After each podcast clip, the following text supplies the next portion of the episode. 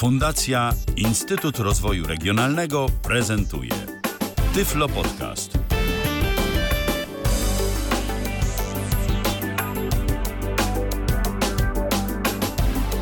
Dzień dobry, dzień dobry. Dzisiaj Tyflo Przegląd 180, chyba trzecia. Zgadza się. Jeśli dobrze rozumiem. Ja dzisiaj mam taki, taką małą testową opcję włączoną, bo czasami tutaj słychać ode mnie różne dźwięki z domu i dzisiaj włączyłem sobie taki procesor, który nazywa się, jakby ktoś chciał coś takiego mieć u siebie na, na podcastach albo na czymś, Waves Clarity.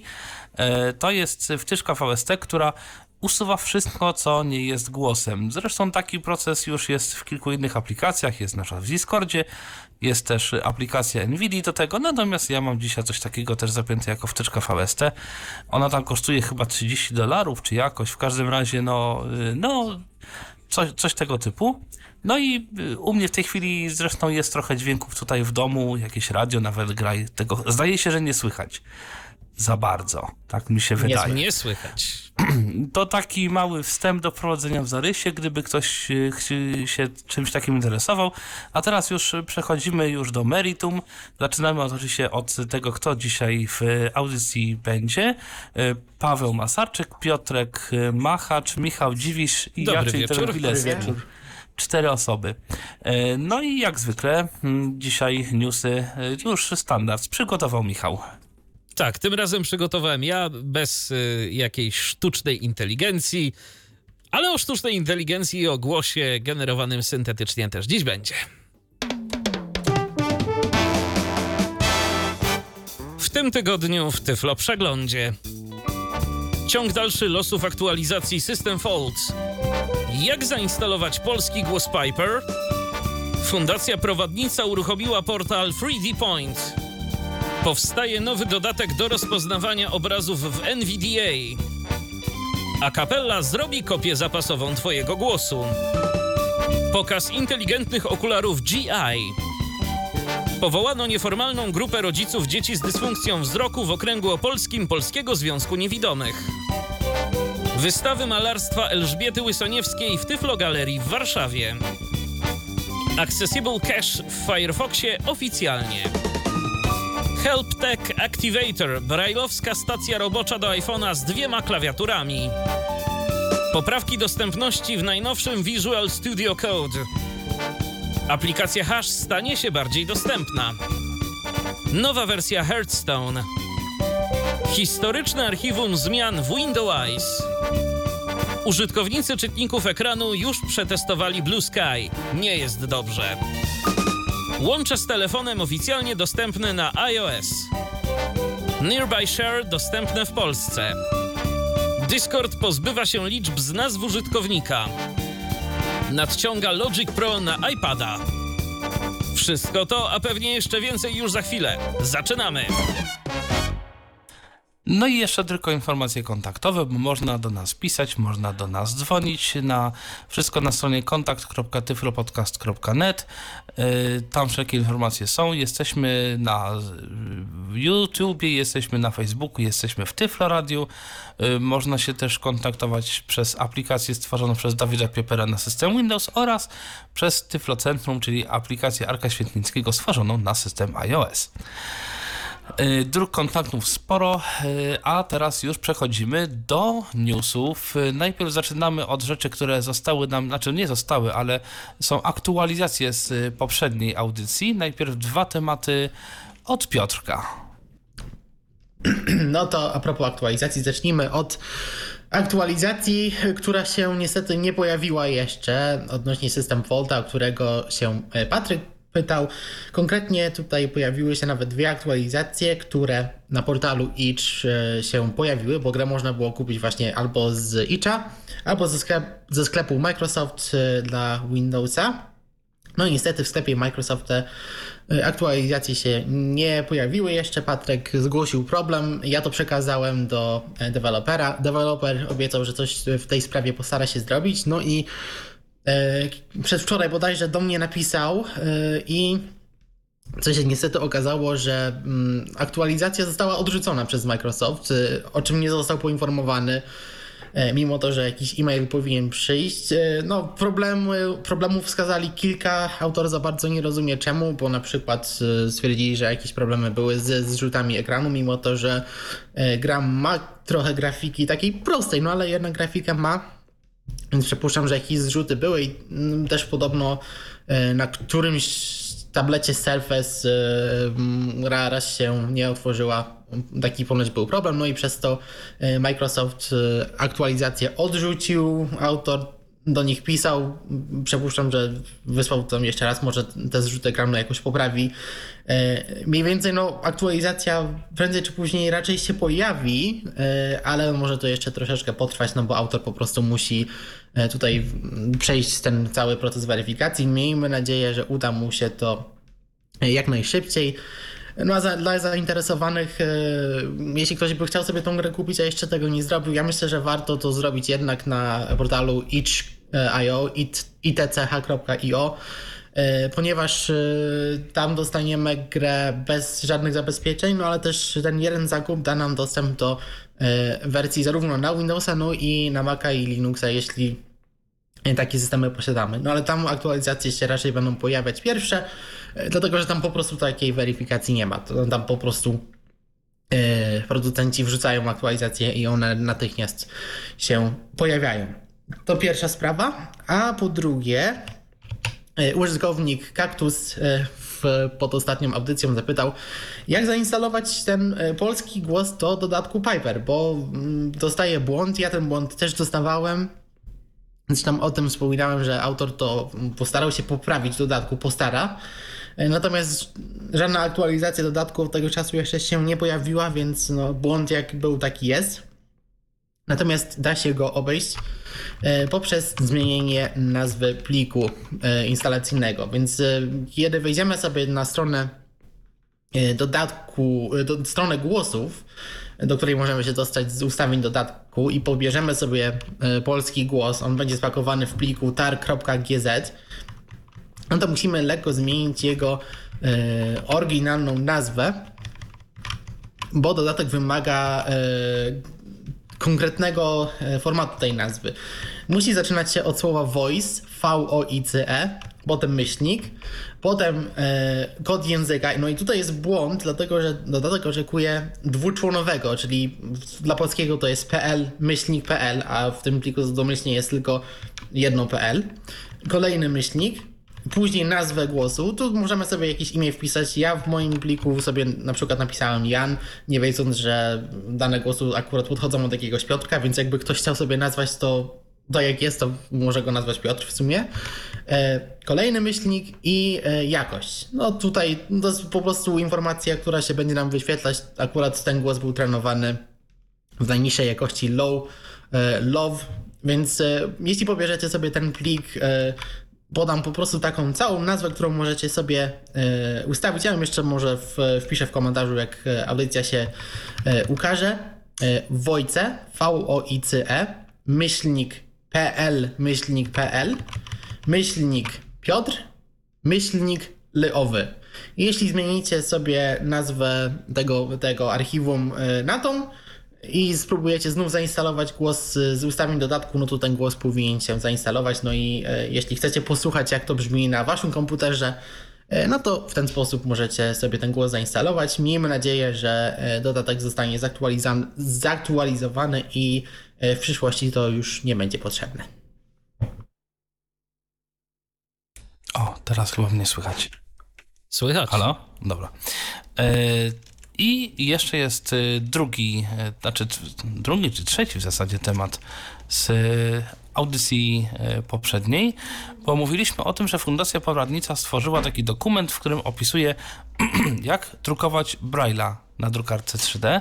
No to teraz już jest troszkę więcej, bo oprócz tego, że jest ten plik na, na stronie, to ta cała strona 3dpoint.tech już jest dostępna. Na niej jest właśnie kilka informacji, między innymi ten dokument jest również no taka, nie wiem czy to można nazwać ofertą, czy taka informacja, że Fundacja Poronice również można drukować takie tabliczki. I to ma być generalnie strona poświęcona drukowaniu Braille'a w 3D. Zobaczymy jak ona się będzie rozwijać.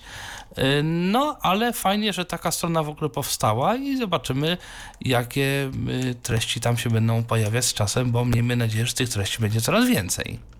To ja jeszcze dodam tak e, a propos bieżących spraw i takich, które no raczej będą e, trwały krócej niż dłużej. Otóż e, Recha coraz bliżej, tegoroczna Recha for the Blind, a co za tym idzie też statuetki Idola będą rozdawane. No i tak się złożyło, że Tyflo Podcast został również nominowany do tegorocznego Idola. Z jakiegoś powodu akurat z Mazowieckiego, mm, jeżeli jeżeli chodzi o idoli regionalnych w kategorii media, więc jeżeli macie ochotę e, oddać na nas swój głos, to ja bardzo serdecznie z tego miejsca zachęcam, jeżeli uważacie, że to, co robimy, e, to jest fajne, e, a mamy nadzieję, że tak jest, no to idol.szansa dla niewidomych.org, tam wchodzicie, wybieracie idol regionalny, wybieracie województwo mazowieckie, wybieracie potem, szukacie kategorii media, no i tam jest między innymi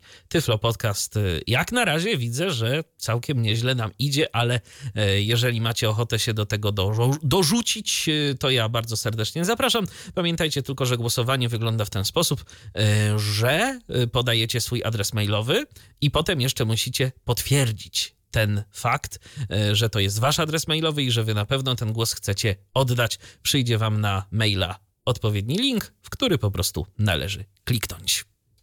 To jeszcze, skoro mówimy o głosowaniu, to ja przypomnę tylko, że e, w piątek po 20 e, głosować będziecie mogli, ale zanim zagłosujecie, to warto wysłuchać, bo e, tak jak już zapowiadaliśmy tydzień temu, odbędzie się transmisja finału koncertu, konkursu w zasadzie takiego muzycznego International Low Vision Song Contest, czyli międzynarodowy konkurs piosenki osób z dysfunkcją wzroku. Mm, I my będziemy tą transmisję okraszać tłumaczeniem na język polski.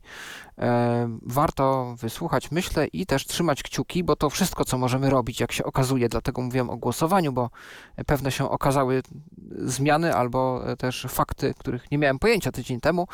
E, trzymać możecie kciuki za naszą, naszych reprezentantów, Zuzie i Roka Mulców, E, a to dlatego możemy tylko trzymać kciuki, bo jak się okazuje, e, no, nie jest możliwe głosowanie na własny kraj, podobnie jak w tradycyjnej Eurowizji. E, no i my możemy głosować na piosenki, które nam się spodobają z innych reprezentacji, ale w kwestii naszych reprezentantów, no trzeba będzie liczyć albo na tych, którym piosenka w dal przypadnie do serca, albo też no, po prostu na Polonie jak w przypadku tradycyjnej Eurowizji. E, ale to nie wszystko, bo też mniejsza troszkę jest ilość piosenek od tego, co podaliśmy tydzień temu, bo e, tydzień temu mówiłem o 24 piosenkach, okazuje się, że będzie ich 17. E, być może też liczba kontynentów się skurczyła.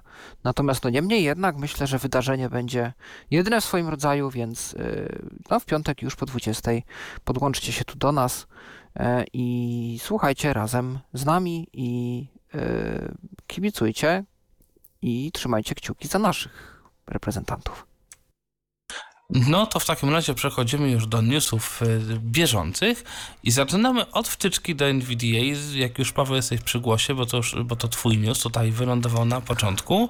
Tak, tak. E, no właśnie, wtyczka NVDA kolejna z cyklu OCR. No, nie do końca OCR, bo e, ona rozpoznaje obrazy i je opisuje. I taka wtyczka też nie jest niczym nowym. Natomiast tutaj mamy trochę, no, z jednej strony innowacyjne podejście, z drugiej strony takie serii można było się tego spodziewać, bo e, nasze, za, za opis tych obrazów naszych będzie odpowiadał wytrenowany model offline.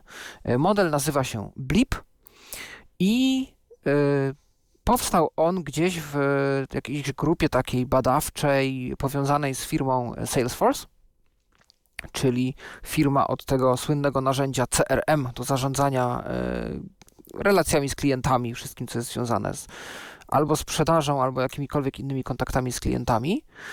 Mm, No, a że to firma jest duża, no to też mają różne działy, które zajmują się różnymi rzeczami. Czasami też mają czas na jakieś może i hackatony, jakieś poboczne projekty, mm, które też y, pozytywnie na PR firmy wpływają. No i jednym z takich projektów właśnie jest Blip, czyli mm, już pretrenowany model e, rozpoznawania obrazu, który te obrazy opisuje, no, takimi pełnymi zdaniami, jakich już powoli zaczynamy oczekiwać od tego typu modeli.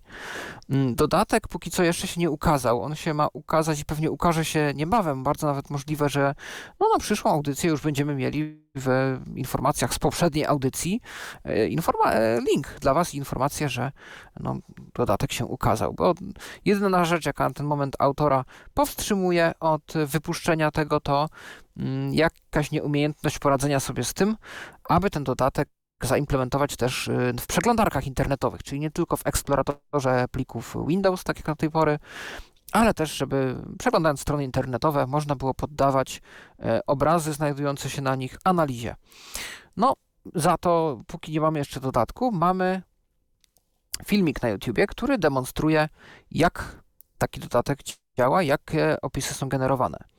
Opisy są generowane w języku angielskim i szczerze mówiąc nie wiem, czy języki inne, przy tym też polski, są na ten moment wspierane.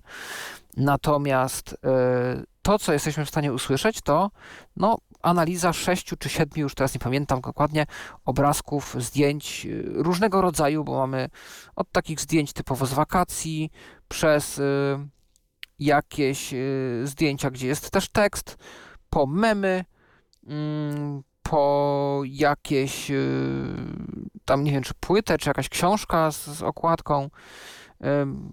Przeróżne wariacje i kombinacje były przez autora testowane. No i same opisy zdjęć robią wrażenie, to trzeba przyznać, bo są bardzo rozbudowane, takie e, pełnymi zdaniami, to nawet takimi dłuższymi niż krótszymi. Natomiast y, są sytuacje, w których ten mechanizm łatwo jest y, gdzieś sprowadzić na manowce, y, albo nie przeczyta tekstu, który jest, a on może się okazać istotny.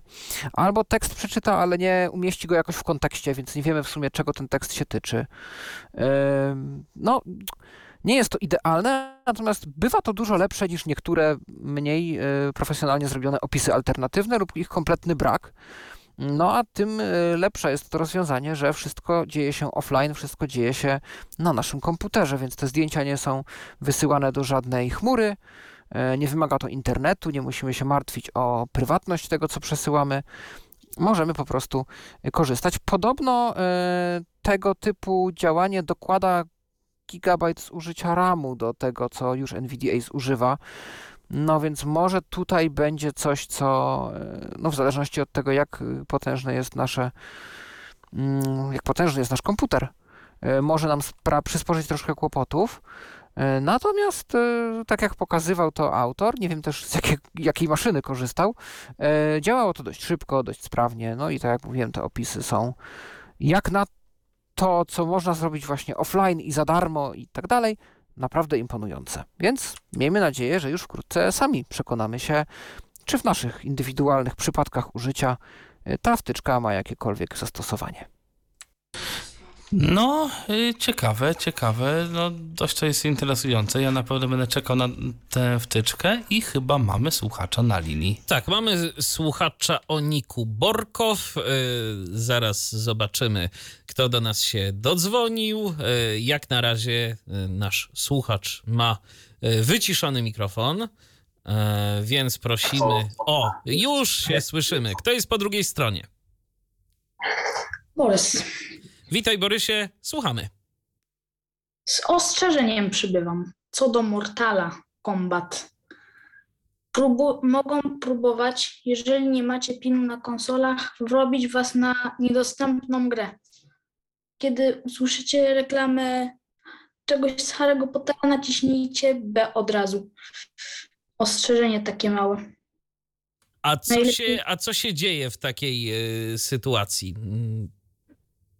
Kiedy odpalamy kombata, może nam wyskoczyć reklama, w której na przykład jest takie słowo jak Your legacy begins now. Kiedy wciśniemy A, gra spróbuje na nam żądać transakcji i zakupu Hogwarts Legacy. I to nie jest nam odczytywane w żaden sposób. A, no to dobrze o tym wiedzieć. Że Yy, Że- Rozumiem, że to mówisz, że ciśnie B, czyli to na Xboxie robiłaś. tak. To dobrze wiedzieć. I, I to w ogóle nie czyta. Nie, nie czyta, że A buy now i B skip. No to Tylko po prostu jest, jest reklama i jak nie macie pinu, to uważajcie. Nie wiedziałem, że reklamy na konsolach mogą coś takiego robić. No to jest, e, to są obie gry są od jed- jednej, jednej wytwórni, bo to jest wszystko Warner Brothers. Niestety Tak, Hogwarts tak, Legacy wiem. nie jest dostępne, e, a Wiem. szkoda e, ze swoją drogą. No ale właśnie tutaj ostrzeżenie. Nie wiem jak jest No na... jest. No nie, Po części jest dostępne, ale powinni, powinni zadbać, żeby.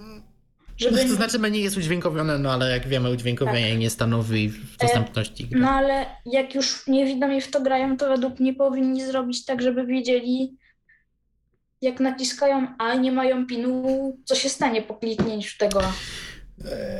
No tak. Trudno mi powiedzieć, czy to jest wina e, wytwórni, czy na przykład to, ten interfejs nie wyświetla sama konsola. Też nie wiem, jak jest na, e, na To jest, PlayStation. to jest wina gry.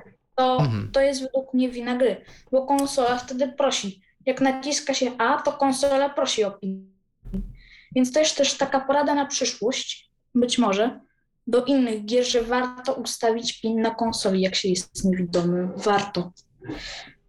Bo zalecam to zrobić, bo może się przydać.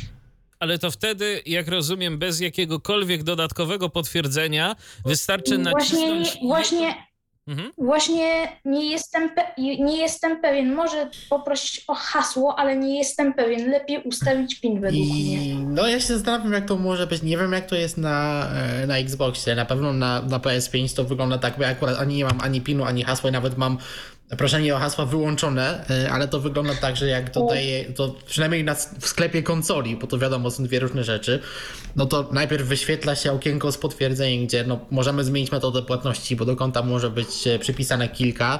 E, Mamy pole wyboru, że rozumiemy, że e, tam są jakieś kwestie z zwrotu bodajże. Tam trzeba coś zaznaczyć mniej więcej i jest przycisk dopiero wtedy kup. No tak.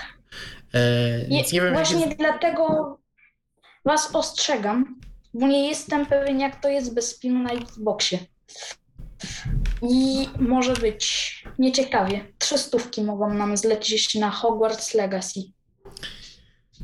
Ale to, Dziękujemy za ostrzeżenie. Dzięki za ostrzeżenie, natomiast y, no, y, to zapytam, to, Ja czyżbyś że- się na to naciął? No, gdybym nie miał pinu, no to jakbym wcisnął A i bym miał odblokowaną kartę, no to mogłoby być nieciekawie. Swoją drogą, jeśli już taki, o takich rzeczach rozmawiamy, e, jeśli ktoś bawi się jakąś grą na, iOS-a, która jest średnio dostępna i próbujemy sobie coś uaktywnić, stukając losowo palcem, bo ja czasami tak robię, e, to zwłaszcza jeśli mamy telefon z, z Face ID, e, warto uważać, nawet odwrócić wzrok od tego telefonu, e, bo możemy niechcący tak samo wejść w jakąś, jakąś mikropłatność, Tak, jeśli... właśnie, e, Ale tak. Zgadzam się. Ale Więc czekajcie, dlatego... czy przypadkiem wtedy też nie trzeba wcisnąć jeszcze dwa razy przycisku bocznego? Oj, tego, tego No nie wiem. Chyba, chyba powinno... No nie, no słuchajcie, no, no bez przesady.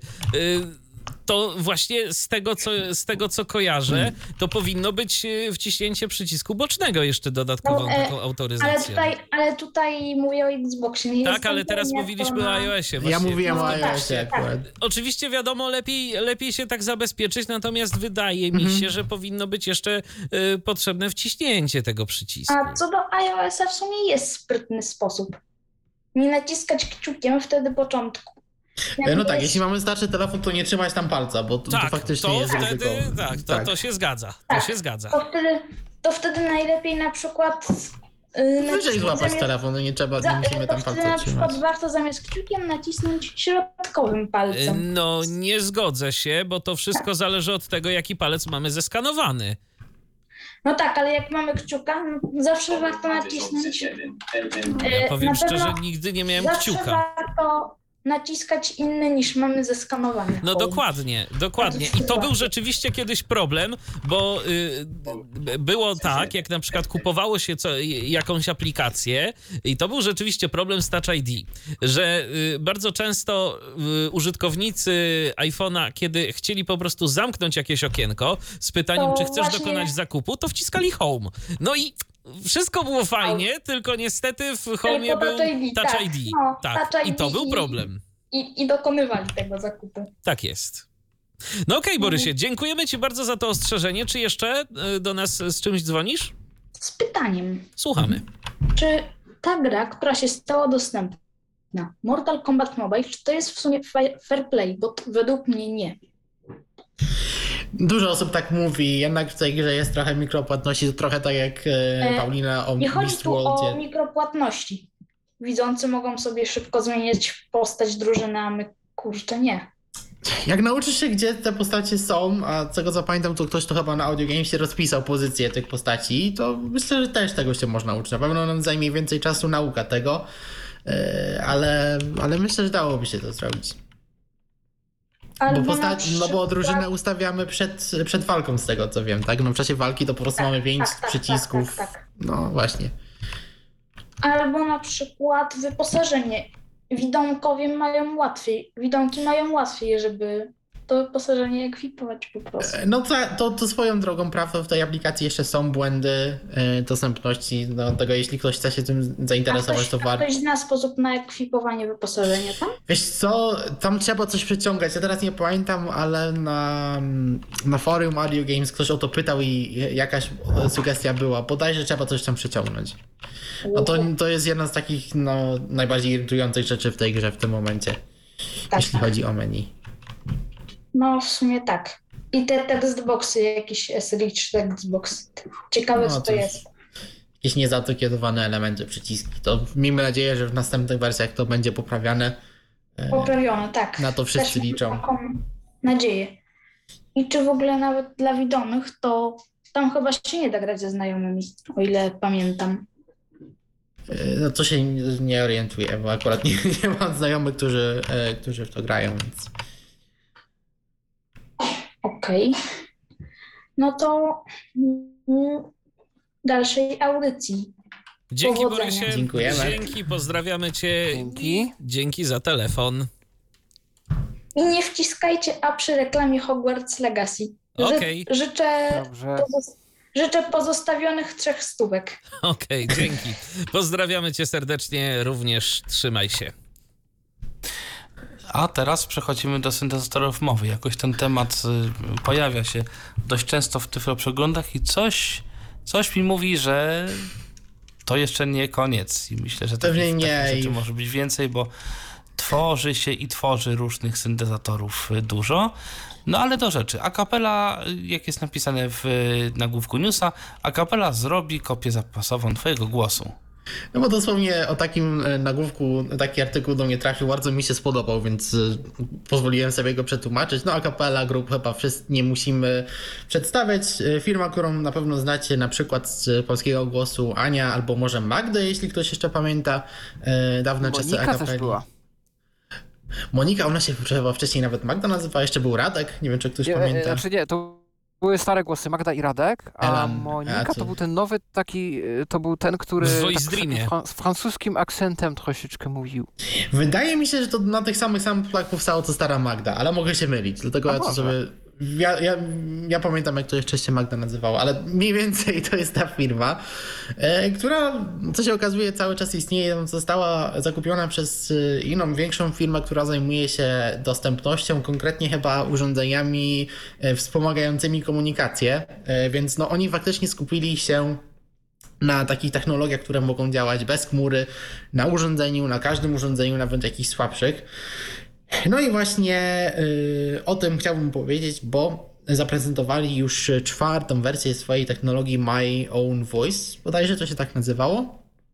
No i jak już tutaj rozmawialiśmy, to jest technologia która pozwala nam sklonować swój własny głos w sytuacji, kiedy wiemy, że za jakiś czas możemy, no po prostu chcemy się zabezpieczyć, właśnie zrobić sobie kopię zapasową. Tak, ale głównymi beneficjentami tej technologii, co ciekawe, nie są osoby niewidome, tylko właśnie, tak jak wspomniałeś, Piotrze, osoby, które za jakiś czas, y, na przykład głos.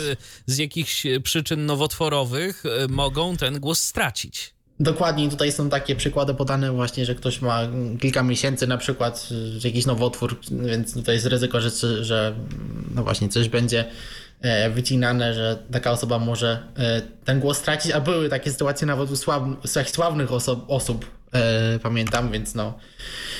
Po to ta technologia powstała. E, Akapela kiedyś była nawet w stanie coś takiego robić, tylko jak e, wspomina mm, prezes firmy, e, kiedyś to zajmowało nawet 8-9 godzin trenowania, więc trochę tego materiału trzeba było nagrać, co nie było łatwe dla takich osób, a zwłaszcza na przykład dzieci. Bo często takie technologie też pomagają dzieciom. E, w najnowszej wersji tej technologii e, do wytrenowania wystarczy około 50 zdań i jakieś 10 minut nagrywania. I te zdania są w miarę powinny być proste, właśnie przystosowane zarówno dla dorosłych i dzieci ten model, który, na którym ten głos powstaje, był trenowany e, w taki sposób właśnie, że dostał dane różnych głosów, zarówno osób starszych i jak i dzieci, dzięki czemu e, powinien lepiej odwzorowywać dowolne głosy. Tutaj właśnie e, Agapela jest znana z tego, z, przez, że przez ostatnie kilka lat naprawdę poszli w tworzenie głosów dzieci, więc tutaj na swoim doświadczeniu bazują, żeby takie możliwości nam udostępnić. E, każdy może zarejestrować się i sobie taki głos utworzyć i przetestować. Sam proces rejestracji wymaga wypełnienia formularza, w którym zaznaczamy, jakie języki nas interesują, e, czy chcemy tworzyć głos mężczyzny czy kobiety. E, no i krótko piszemy, dlaczego chcemy to zrobić, po czym mamy tworzone konto i możemy sobie ten głos utworzyć. E, Swoją drogą, a propos tego tak? formularza, bo ja już powiem od razu, że rejestrowałem się i za chwilę też opowiem kilka słów e, swoich spostrzeżeń odnośnie e, dostępności tego narzędzia. Nie wiem, czy Piotrze, ty widziałeś ten formularz i czy zwróciłeś uwagę na to, jak ciekawie tam została wdrożona kapcza. Tak, e, to jest bardzo ciekawe, bo ta kapcza to są dwa pola edycji. E, pierwsza nas pyta, e, czy jesteśmy robotem, napisz nie, jeśli nie, a drugie pole mówi, jeśli napisałeś nie, no to rozwiąż zadanie matematyczne. To nie było jakieś trudne zadanie, tam chyba 7 plus 6 ja dostałem. Dokładnie, więc, no. jakieś takie naprawdę proste, więc nie powinno dla nikogo to być problemem. Nie, tam jeszcze jedna rzecz, którą ja zauważyłem i to mi akurat zmyliło, było pole edycji zaetykietowane jako login, a to wcale nie jest login, tylko adres e-mail. I adres za pierwszym razem mi ten, tak. tak. ten formularz nie przeszedł, po prostu dostałem ostrzeżenie, wpisz prawidłowy adres e-mail, no i wtedy y, wiedziałem, że popełniłem błąd. No mniej więcej y, usługa wspiera 20 języków, w tym polski. Jak to wygląda, to za chwilę, bo ja jeszcze czekam na konto. Michał już, już coś próbował tworzyć. Tak, te konta są aktywowane ręcznie, ręcznie. mam wrażenie i no podejrzewam, że na przykład jeżeli dziś wypełnicie ten formularz, to jutro możecie spodziewać się jakiejś informacji zwrotnej, dostaniecie maila z loginem i hasłem. To jest y, istotna rzecz, tam będzie login i hasło, y, to hasło zostanie wam y, z góry nadane. Można je potem zmienić, bo jeszcze nie. Wiesz, że nawet nie sprawdzałem, czy można. Tam jest jakaś edycja profilu, więc Aha, przypuszczam, no to, że, to pewnie tak. tak. E, no mniej więcej, e, kiedy już sobie taki głos utworzymy, no to mamy miesięczny okres próbny, ale też na stronie możemy sobie dowolny tekst wpisywać, żeby ten głos przetestować, e, ale możemy też ten głos sobie wykupić. E, możemy wykupić go sobie albo w rocznym abonamencie, który kosztuje 99 euro rocznie, e, lub jednorazową opłatą 1000 euro, więc no nie są małe kwoty, no ale jeśli ktoś naprawdę traci głos i potrzebuje takiej usługi, takiej usługi tam ponoć jakieś dofinansowania też wtedy e, na to mogą obowiązywać w niektórych krajach, no to możemy sobie taki głos wykupić. Jeśli to zrobimy, czy też w tym okresie próbnym chyba też, no tego dokładnie nie rozumiem, nie, nie, nie rozumiałem do końca tej tabeli cennika, E, mniej więcej wtedy e, ten głos dostajemy w wersji SAPI na Windowsa, więc możemy sobie go użyć w różnych aplikacjach, w tym na przykład w naszym czytniku ekranu. E, na Androidzie i tutaj też dostajemy syntezę na całym systemie. No i to jest fajne, więc możemy po prostu, są specjalne aplikacje właśnie, które pomagają komunikować się, więc w takiej aplikacji na przykład ten głos zastosować. E, lub na iOSie, no i na iOSie z tego co rozumiem, no to tylko w ich aplikacji, bo jest aplikacja tej usługi w App Store e, oraz w aplikacjach partnerów, więc no tutaj Acapella nie wiem, czy nie, nie wiedzieli o, o tej nowości, która doszła w iOSie 16, która pozwala na tworzenie własnych syntez e, przez firmy trzecie, czy po prostu nie są tym zainteresowani? No, no Własna więcej... synteza własną syntezą, tylko problem, e, ja podejrzewam, jest taki i jeżeli myślą nad tym, to, mm, no to cały czas zastanawiają się być może jak to zrobić, no bo tu jest kwestia dystrybucji tego. Okej, okay, własna synteza, ale teraz jak to zrobić, żeby dostęp do tego głosu, który ty sobie stworzysz, był tylko dla ciebie? To trzeba by było jakąś jakąś tam e? aplikację, która by sobie pobierała te głosy, coś jak RH Voice. Oni tak, musieliby ja myślę, w ten że... sposób to zrobić. No i ten, e, ten system na to pozwala, pozwala. Tam aplikacja mówi systemowi, jakie dostępne są głosy, tak dzięki temu na przykład eSpeak można sobie poszczególne języki powyłączać, więc tutaj przypuszczam, że e, to by mogło wyglądać tak, że po prostu logujemy się do naszego konta, jeśli mamy aktywną subskrypcję, to ten głos po prostu by się nam wtedy pobierał. Akurat myślę, że to technicznie by się dało zrobić. Ja się wcale nie zdziwię, jeżeli to prędzej czy później zostanie zrobiony. Być może oni jeszcze no, po prostu opracowują może. ten y, silnik syntezy jako taki. No ta najnowsza wersja, ten model 4.0 to dosłownie tam chyba miesiąc albo dwa temu został y, ogłoszony, więc no, to jest faktycznie nowość. Zobaczymy, czy może też przy okazji inne głosy akapeli się y, nie pojawią na y, iPhone'ie i może nawet na Macu, bo to ten kod w większości może być na obu systemach wykorzystany, no byłoby fajnie. No mniej więcej ten model, y, no zobaczymy jak brzmi. Y, na pewno jest tak przystosowany, żeby w miarę szybko działał na urządzeniu, więc tutaj nie jest wymagane połączenie z internetem. E, no i zobaczymy, jeśli uda się mi albo Michałowi wygenerować nasze głosy, no to na pewno do tematu wrócimy i e, podzielimy się z wami próbkami. E, a na razie, a propos tworzenia głosów, no to już Michał założył sobie konto i coś w tej sprawie próbował i podzieli się z wami szczegółami, jak tak, to było. Y, próbowałem i powiem szczerze, z jednej strony to tam ktoś naprawdę o dostępności pomyślał, y, bo pewne elementy tego interfejsu są bardzo fajnie czytane. Na przykład y, odliczanie, kiedy kalibrujemy sobie mikrofon albo kiedy mamy nagrywać jakiś tam fragment, jakieś zdanie. To jest odliczanie od 3 do 0, jest też sygnał dźwiękowy, wiemy kiedy już powinniśmy rozpocząć to nagrywanie. No tylko tylko właśnie, ja niestety nie wiem, y, kiedy to nagrywanie jest y, y, zakończane. To znaczy, ono, ja na początku myślałem, bo pierwszy element w ogóle, kiedy rozpoczynamy nagrywanie, no to musimy skalibrować nasz mikrofon. Jesteśmy proszeni o odczytanie tam 1, 2, 3, 4 Y, pierwsza rzecz, że z y, Chroma, na którym to testowałem, nie byłem w ogóle w stanie y, kliknąć tego przycisku, bo miałem tylko wyświetlane przyciski do przełączania się między poprzednim, następnym zdaniem, które powinno być odczytane, a jeszcze w międzyczasie dostawałem komunikat, że teraz kliknij dalej, no i będziemy kalibrować twój mikrofon. No niestety, ja tego mikrofonu nie mogłem skalibrować, ale poradziłem sobie nawigacją obiektową w NVDA. Więc międzyczasie jeszcze tam jakiś komunikat na dole strony wyskakiwał mi z pytaniem, czy chcę dodać jakieś własne frazy, bo to też jest y, ważne, że mogę dodać własną własny zestaw różnych y, zdań, y, jakichś fraz, dzięki którym ta synteza będzie brzmiała jeszcze lepiej i będzie bardziej spersonalizowana pode mnie. Udało mi się przejść tę kalibrację.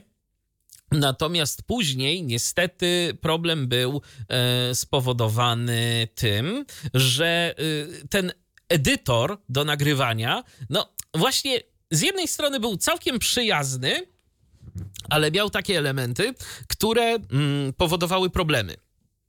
Przede wszystkim problemem jest to, że y, no mamy te 50 zdań, ale na stronie w danym momencie widzimy na przykład trzy zdania. I y, prawdopodobnie to jest po to, żeby jakby już wiedzieć, co będziemy czytać dalej. Ja bym wolał, z perspektywy czytnika ekranu, użytkownika czytnika ekranu, y, żeby wyświetlało się za jednym razem tylko jedno zdanie, bo ja wtedy wiem, co czytam. Teoretycznie jest przycisk pozwalający na sprawdzenie, y, jakie to jest zdanie. Ono powinno być mi odczytane syntezą. Z jakiegoś powodu u mnie to nie działało. Tak jak wspomniałem, przycisk nagrywania. Mogę go wcisnąć, jest ten sygnał, no ale potem jak to zatrzymać? Mm, był problem. E, potem się zorientowałem, że chyba po prostu trzeba przycisnąć jeszcze raz ten guzik do nagrywania, który absolutnie nie zmienia swojego stanu.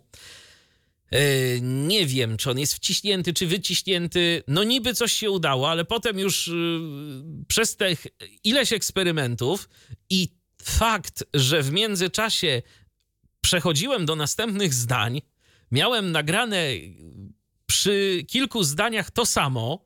Nie mogłem tego skasować, to się trochę pogubiłem w tym wszystkim. Najchętniej to bym to skasował y, i zaczął od nowa, to może by mi coś z tego wyszło, ale się jeszcze pobawię, tym bardziej, że to nie jest jedyna metoda na nagrywanie tego y, naszego głosu. Możemy jeszcze zrobić coś takiego, co y, ma RH Voice. To znaczy, nagrywamy jakieś zdanie i obok niego umieszczamy plik tekstowy. On powinien mieć, y, y, zdaje się, że taką samą nazwę, no tylko wiadomo, tu dźwięk w formacie WAV, a y, plik tekstowy no to TXT, więc inne rozszerzenie. I powinniśmy nagrać taki zbiór danych, spakować to do zipa i wysłać. I to też powinno działać. On jeszcze, mm, a capella obsługuje jeszcze jakiś taki serwis który chyba pośredniczy w nagrywaniu głosu. Kompletnie tego serwisu nie znam i, i, nie pamiętam szczerze mówiąc jego nazwy. Też jeszcze może być e, jeszcze jedna metoda, e, mianowicie jakiś taki nasz e, po prostu, tak ja to przynajmniej zrozumiałem będąc na tej stronie, że możemy wrzucić po prostu jakieś te nasze nagrania i zlecić a capelli stworzenie z tych nagrań naszego głosu. Tylko tu jest jedno zastrzeżenie, że za to, za te operacje będzie pobrana dodatkowa opłata. Więc y, no nie pobawimy się tym za darmo. Jeżeli chcemy za darmo, to musimy się trzymać ścisłych wytycznych albo yy, w innym przypadku trzeba zapłacić. Także tak to wygląda. Yy, no, dla mnie interesujące jest to, że jest te 50 zdań i naprawdę gdyby yy, ten system do nagrywania głosu był troszeczkę bardziej dopracowany pod względem dostępności. Tak jak mówię, testowałem to na Chromie. E, nie bardzo, nie bardzo, no były tam pewne problemy. E, gdyby chociaż ta synteza odczytywała te zdania, które powinny być do przeczytania. Jeżeli to by było dostępne, to ja już bym z tym systemem sobie poradził. Już nawet nie jest istotne to, że nie ma tych yy, przycisków, yy, tego stanu przycisków, to ja już po prostu później odsłuchując to, yy, co nagrałem, byłbym w stanie to zweryfikować, że to zdanie jest tak nagrane i że jest tak, jak chciałem. Ale niestety, skoro synteza nie czyta mi w żaden sposób tego yy, zdania, które mam podświetlone, a zdań wyświetla mi się na stronie kilka, no to jest to problem. To jest to problem i y, mając w perspektywie nagrać 50 zdań, y, więc muszę na to jednak poświęcić chwilę czasu, a później dostać informację zwrotną, że e, no sorry, ale w zdaniu numer 33 miałeś przeczytać to, a przeczytałeś zupełnie coś innego, albo po prostu dostać jakiś komunikat, że wystąpił błąd, no to, to, to, to, to nie wiem, czy chce mi się y, robić coś takiego i na to poświęcać czas. Ale jeszcze na pewno z tym mechanizmem będę próbował się jakoś zapoznać i może coś uda się zrobić, a może ty, Piotrze, będziesz miał więcej szczęścia, może na przykład okaże się, że na Macu y, to działa jeszcze lepiej. To... Spróbuję. No. To... Zobaczymy, co się uda. Jestem, jestem ciekaw, ciekaw, e, naprawdę, gdyby ten, e, gdyby to narzędzie, gdyby ten system do nagrywania mowy był troszeczkę lepiej dopracowany, to byłoby super. Szczególnie, że tu naprawdę nie trzeba już wiele. Nie trzeba y, wielu tych zdań. To, to podejrzewam, że faktycznie, no, może nie 10 minut, y, tam gdzieś w często zadawanych pytaniach była informacja, że no, tobie to, drogi użytkowniku, powinno zająć mniej więcej pół godziny nagranie takiego głosu. Być może no, nam zajęłoby to jakąś, no niechby i godzinę, ale y, siadamy na godzinkę, nagrywamy i mamy swój głos. Oczywiście wiadomo, trzeba by było jeszcze za niego zapłacić. No, to, to, to jest rzecz inna. Natomiast y, no, to już y, jest y, dość ciekawe i jakąś taką nadzieję daje na przyszłość, że już takie technologie są i prawdopodobnie będą się one dalej rozwijać. No Zresztą przypadku... Apple e, mhm. pracuje na przykład nad czymś takim, że nie wiem czy to przejdzie, ale takie słyszałem e, plany, e, że na przykład Samsung chyba też coś takiego robi, planuje zrobić, żeby, żeby inne osoby mogły nam nagrać swoje głosy. Jakoś to się wysyła w jakiejś prywatnej próbce do naszego urządzenia.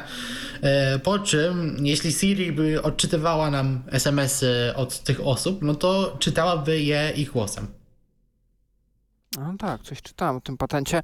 Mnie zastanawia troszkę inna rzecz, y, no bo jeżeli jakby docelowo y, taki głos ma być, ta kopia naszego głosu ma być użyta w sytuacji, kiedy my już tego głosu naszego prawdziwego mieć nie będziemy, no to pytanie, y, to znaczy, jako że my musimy wykupywać dostęp do tego głosu co roku, przedłużać ten abonament, no to jakie jest prawdopodobieństwo, że taka akapela kiedyś się z takiej usługi wycofa, i nas od tego naszego, od tego naszego głosu odetnie. Możesz kupić abonament wieczysty. Więc pytanie, A jak możesz? to wtedy jest? Tak, za, te, ty, za ten tysiąc euro.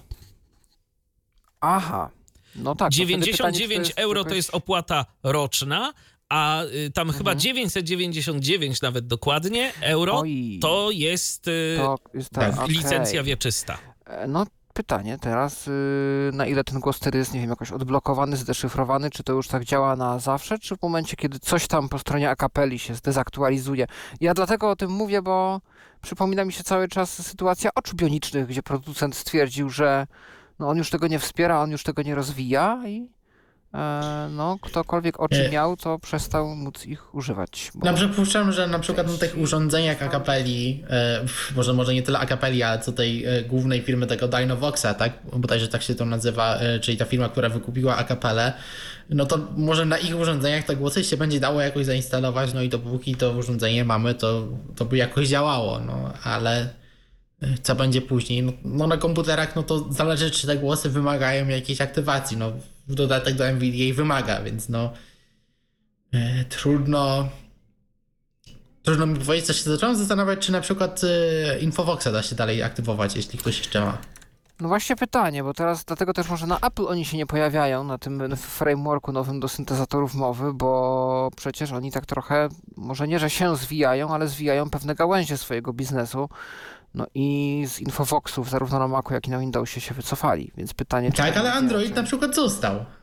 No tak, e, tak. I, I nawet na stronie cały czas jest reklamowane, no tam akurat zabezpieczenia no to oferuje producent, zwłaszcza, no zwłaszcza na iOSie, no to już w ogóle. E, więc... No tak. No cóż, to chyba tyle, jeżeli chodzi o akapelę. Tak. Tak. Myślę, że możemy przejść dalej. Do następnego newsa, w zasadzie zestawu newsów od Pawła, czyli nowości od Polskiego Związku Niewidomych. Tak, i zaczynamy tutaj też technologicznie, bo w Tyflo Galerii w Warszawie już 16 e, maja, dobrze to czytam, yy, chyba tak, yy, okularów inteligentnych pokaz się odbywać będzie. I to takich, o których no jeszcze w Tyflo Przeglądzie nie mówiliśmy. No więc czytam. Zapraszamy na pokaz inteligentnych okularów. Spotkanie odbędzie się 16 maja o godzinie 16.30 w Tyflogalerii PZN w Warszawie. Polska firma od dwóch lat buduje system GI, pozwalający zamieniać obrazy w polu widzenia na informacje dźwiękowe, nazywając każdy ze 100 rozpoznawalnych typów obiektów i odczytując go użytkownikowi. Produkt przypomina okulary przeciwsłoneczne, a dzięki systemowi GI użytkownik jest w stanie obracać głowę i przez 7 godzin na jednym ładowaniu baterii rozpoznawać obiekty znajdujące się wokół niego, między innymi, takie jak między innymi osoby znajdujące się wokół niego wraz z odległością, do nich w metrach, twarze konkretnych osób, pojazdy z odległością, obiekty wyposażenia domowego, jedzenie, banknoty. Yy, narzędzie potrafi także na komendę głosową czytać kartkę papieru lub napisy znajdujące się przed nim. Do działania potrzebny jest wyłącznie internet Wi-Fi, który użytkownik musi sobie zaserwować z własnego telefonu. Yy, Dalej wszystko działa automatycznie, a użytkownik może sobie włączać i wyłączać komendą głosową to, co chce obserwować. Obecnie system działa po angielsku, ale trwają prace nad polską wersją ję- językową. Film prezentujący to rozwiązanie znajduje się na YouTubie. Jest tu link, y, więc jak w komentarzu wejdziecie sobie do tego artykułu, to link będzie tu podany.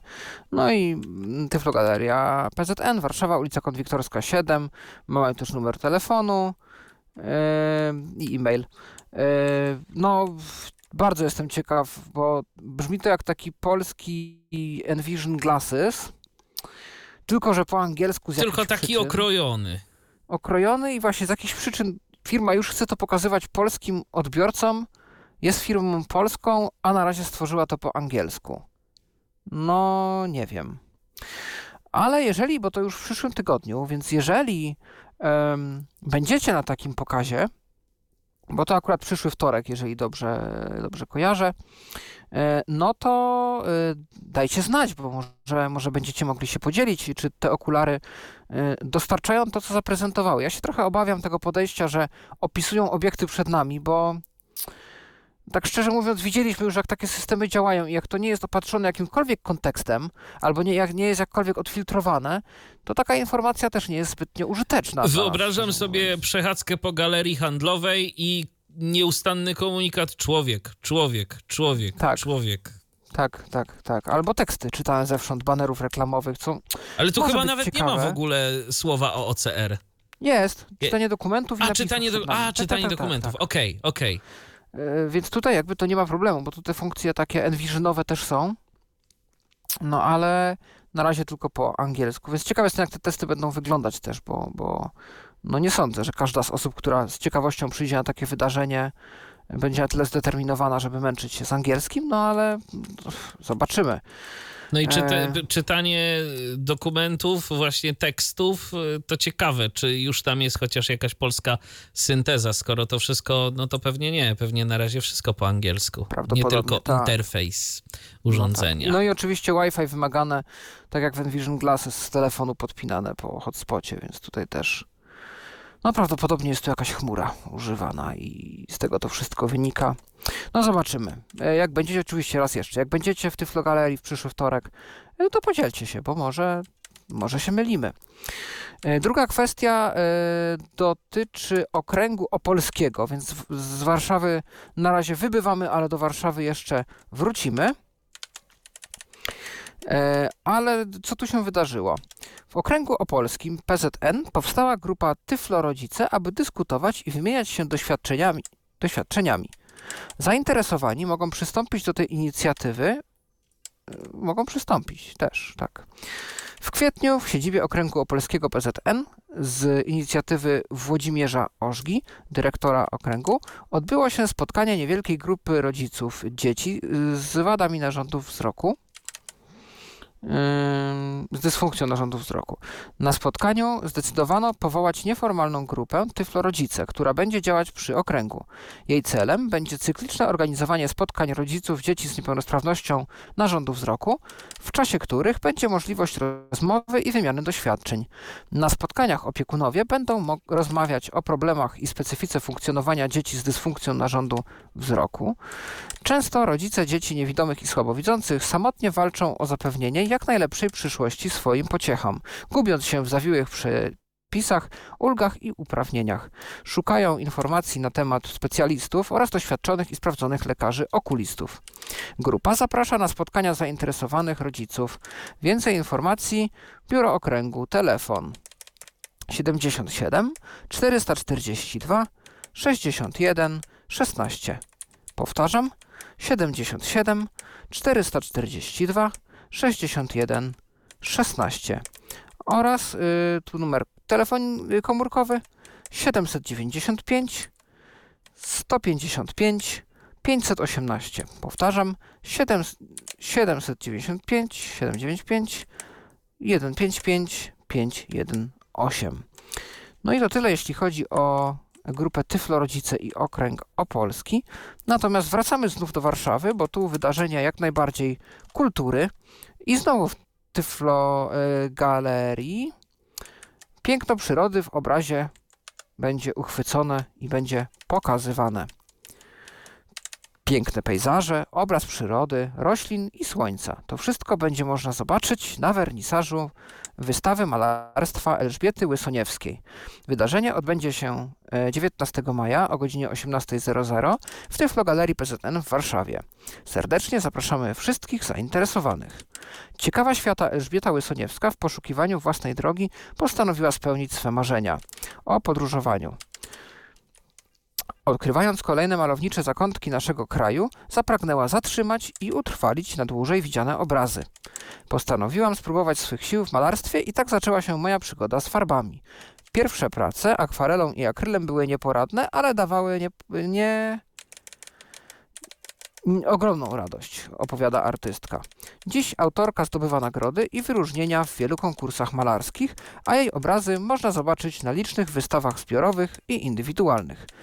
Yy, no więc tutaj domyślam się, że będzie jakaś może audiodeskrypcja tego wydarzenia lub w jakiś inny sposób te obrazy zostaną przybliżone tym, którzy ich zobaczyć nie mogą. Yy, no a jeśli chodzi o wydarzenia Polskiego Związku Niewidomych, to na dzisiaj tyle. A do nowych, kolejnych, jeśli tylko się pojawią, wrócimy no, w następnym odcinku Tyflo Przeglądu. Przechodzimy do w sumie też trochę newsa takiego, który w poprzedniej audycji się pojawił, dotyczy konkretnie Accessible Cache w Firefoxie, bo teraz już to jest w wersji oficjalnej. Tak, zgadza się. To już jest w wersji oficjalnej, konkretnie e, w wersji Firefoxa 113 e, która się ukazała. Mm, ona y, y, w poprzedniej wersji Firefoxa 112 y, Accessible Cache był włączony mm, do Firefoxa na Windowsie. Natomiast teraz, z tego co wiem, to jest już on obecny zarówno pod Windowsem, na Macu, mm, na macOSie i w wersji dla Linuxa. Accessible Cache to przypomnijmy jest e, ten mechanizm, który zespół dostępnościowy Firefoxa rozwijał już od e, jakiegoś czasu i dzięki niemu e, strony internetowe przeglądane z użyciem czytnika ekranu mają ładować się znacznie szybciej i znacznie ma być bardziej responsywna nawigacja po nich. Rzeczywiście, zwłaszcza w dużych dokumentach, na przykład jeżeli mamy jakieś duże tabele, albo na tych stronach coś się dzieje, y, jest dużo elementów, dużo tam się odświeża różnych rzeczy, no to można zauważyć, że faktycznie działa to znacznie płynniej niż kiedyś. Y, jest zresztą po angielsku y, na blogu Mozilli artykuł opisujący, jak to właściwie powinno działać i o co tutaj chodzi, co zostało zmienione i dlaczego właściwie e, należało tych zmian dokonać? No, też dzięki temu, a właściwie przez to, że e, Firefox e, zaczął działać na wielu procesach, że zaczęto tam wprowadzać mechanizmy piaskownicy, że to wszystko ze sobą musi rozmawiać, no i też musi komunikować się z czytnikiem ekranu. Mamy tam kolejne jakby warstwy, przez które te komunikaty muszą przechodzić. No i efektem tego jest to, że ten model dostępnościowy, który został wypracowany kiedyś, kiedyś i to w okolicach roku 2010, no niestety e, przestał wystarczać. Mm, inspirowano się tym, co e, Google e, z przyległościami robi, e, jeżeli chodzi o Chromium i jak oni to postanowili wdrożyć i dzięki czemu przeglądarka Chrome jest stosunkowo responsywna. No i stwierdzono w Mozilla, że zrobią coś podobnego, tylko lepiej. No i jeżeli chcecie sprawdzić, czy rzeczywiście lepiej, to aktualizujcie sobie Firefoxy, natomiast trzeba sobie jednak mimo wszystko ten Accessible Cache włączyć. A jak to zrobić? Trzeba włączyć sobie to przez narzędzie About Config. Wciskamy mm, Ctrl L, żeby przejść do pasku adresu. Do pasku adresu wpisujemy about dwukropek config, potwierdzamy, że tu tak, zachowamy ostrożność. W polu wyszukiwania wpisujemy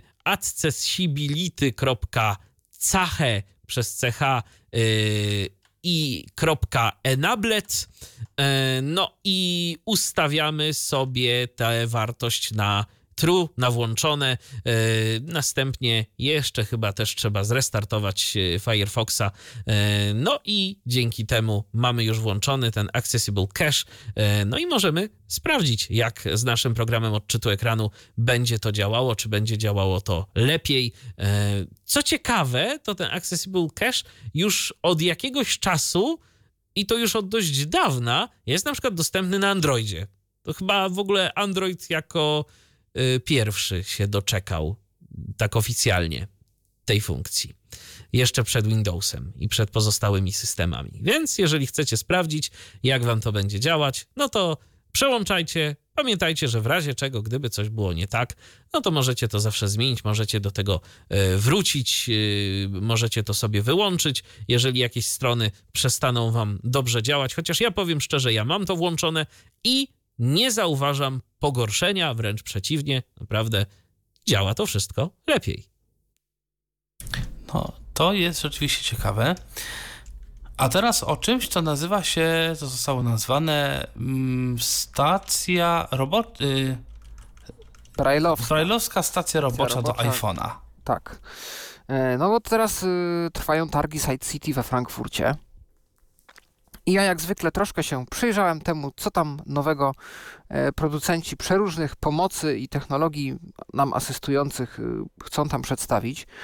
No i chyba taką największą i jedyną nowością, przynajmniej z dnia dzisiejszego, którą wyniosłem, mm, albo informację, o której wyniosłem, bo jeszcze wystawa trwa jutro i w piątek też, więc będę śledził, jeżeli tylko pojawi się coś ciekawego, dam o tym znać. No ale dziś była światowa premiera, e, tak to producent szumnie nazwał, HelpTecha, dawniej HandyTecha e, i produkt nazywa się Activator. No i kto pamięta HandyTechy slash HelpTechy, czyli Actilino, Active Braille, e, tam jeszcze inne notatniki i linijki, no to pamięta, że takim e, znakiem firmowym firmy HelpTech są te interaktywne komórki Braille'a, które są ich patentem. Przesuwamy palcem po komórkach i mm, one same się dostosowują i wiedzą, e, gdzie my jesteśmy, więc kursor przesuwa się w miarę jak my czytamy. Możemy też, znaczy kursor nie, ale no, e, kiedy dojdziemy do końca linii, to, same się przewiną, e, przewinie się linii do następnej linijki. E, możemy też nacisnąć na taką komórkę i kursor tam przeskoczy, więc nie ma routingów takich klasycznych jak w większości monitorów, tylko routingami są te komórki Braille'a. No i e, jest to firma niemiecka i teraz e, przedstawiła ona nowy produkt. E, no, produkt, który jest dość ciekawą odpowiedzią na to, co się teraz na rynku tych monitorów i notatników dzieje, bo teraz każdy producent się prześciga w tym, żeby te urządzenia były jak najbardziej inteligentne, takie smart. E, oferowały no więcej niż tylko pokazywanie Braille'a. I mamy jakieś Braille Sensy, mamy jakieś Braille Notacze, był L-Braille, teraz Optima się gdzieś tam pojawia. E, no a HandyTech na to wszystko, no, no co my możemy zrobić? No, Android już był, próbowali, Linux już był, próbowali, zawsze jakieś są kompromisy. No w Niemczech najwięcej osób używa iPhone'a. E, no i nie tylko w Niemczech ten iPhone jest aż tak popularny. No i co my możemy zrobić?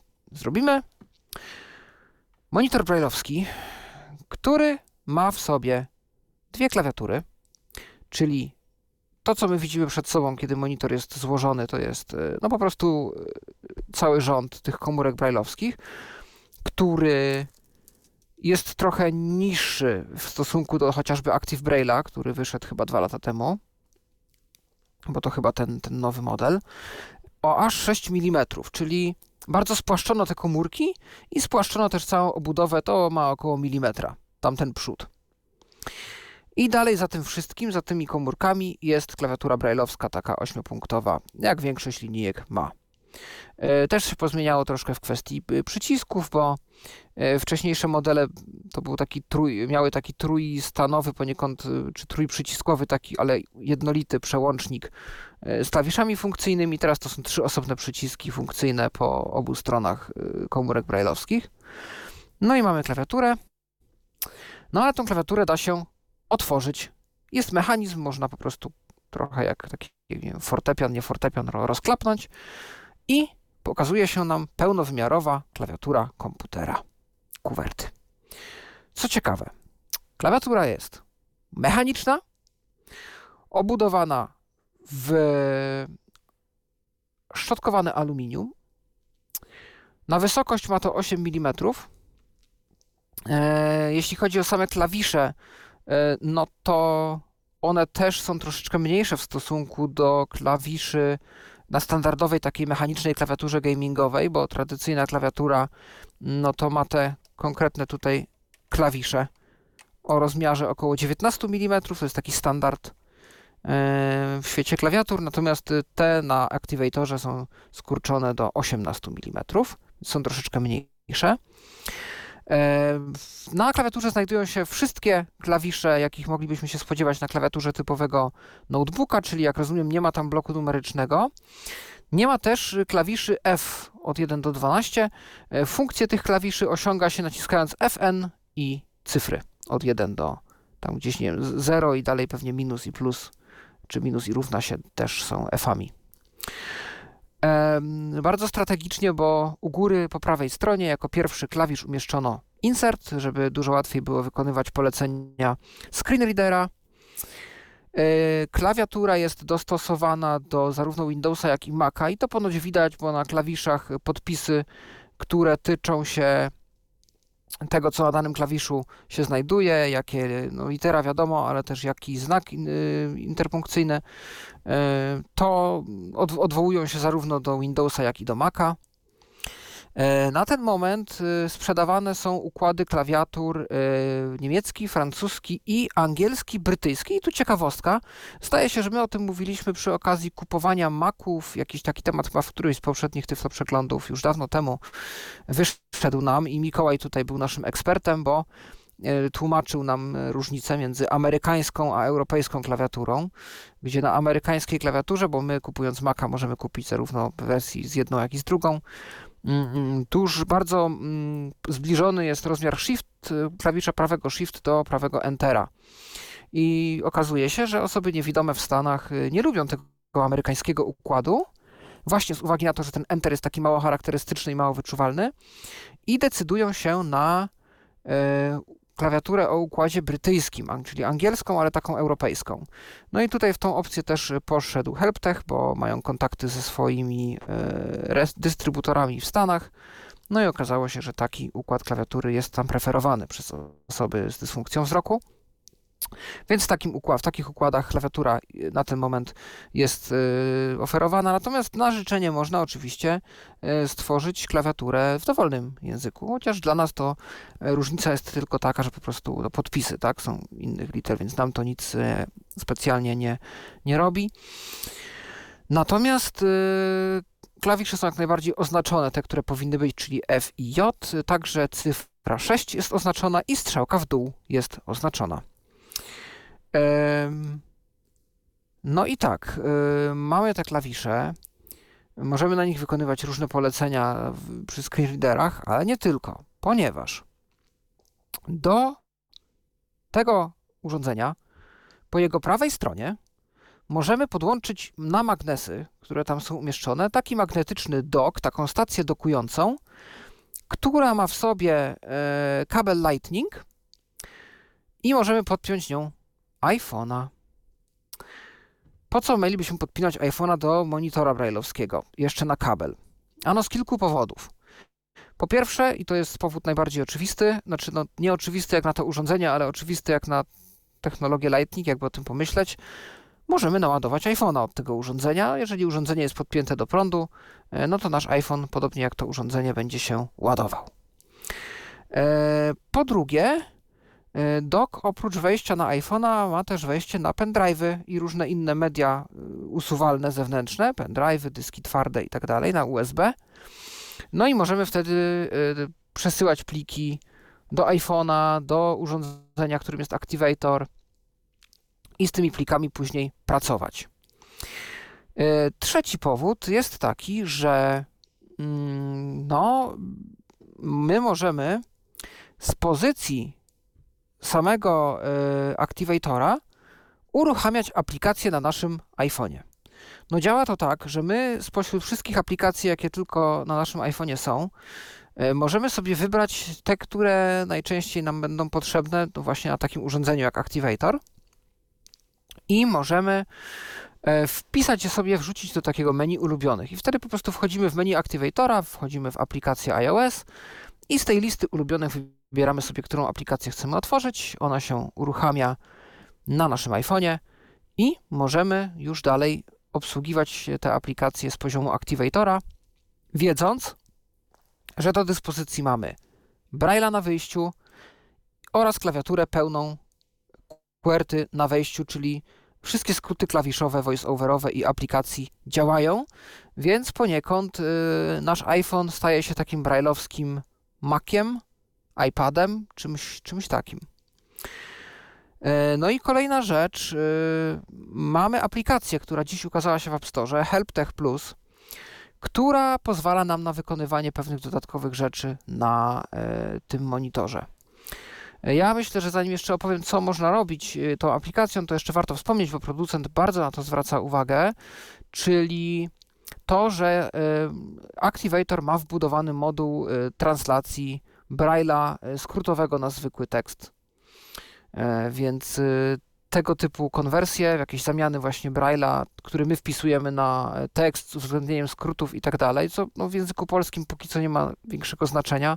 W niemieckim, w angielskim już owszem te kontrakcje są bardzo ważne.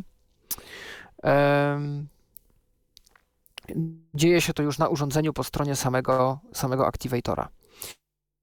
I teraz co możemy robić za pomocą aplikacji? Ano, możemy e, wpisując tekst i pracując nad jakimś dokumentem albo tekstem w Braille'u, e, pokazywać ten sam tekst na ekranie naszego iPhone'a, jeżeli dobrze rozumiem, w czarnodruku. E, bajer tej funkcji polega na tym, że przez to, że mamy te interaktywne komórki Braille'a, to osoba widząca może śledzić też zarówno kursor, miejsce, w którym aktualnie stoi, jak i naszą pozycję czytania, czyli przesuwając palcem po komórkach, przesuwamy też wskaźnikiem po ekranie iPhone'a. E, możemy też sprawić, by ten tekst, nad którym my aktualnie pracujemy, został odczytany przez syntezę na iPhone'ie.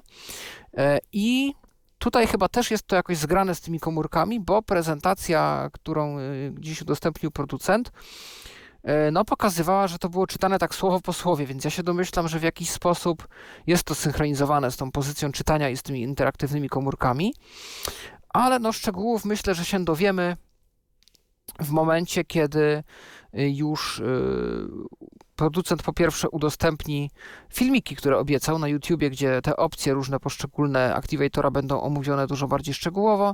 No a po drugie, jak oczywiście ktoś już to sprawdzi, może jakaś dokumentacja w międzyczasie wyjdzie, instrukcja obsługi i tak dalej.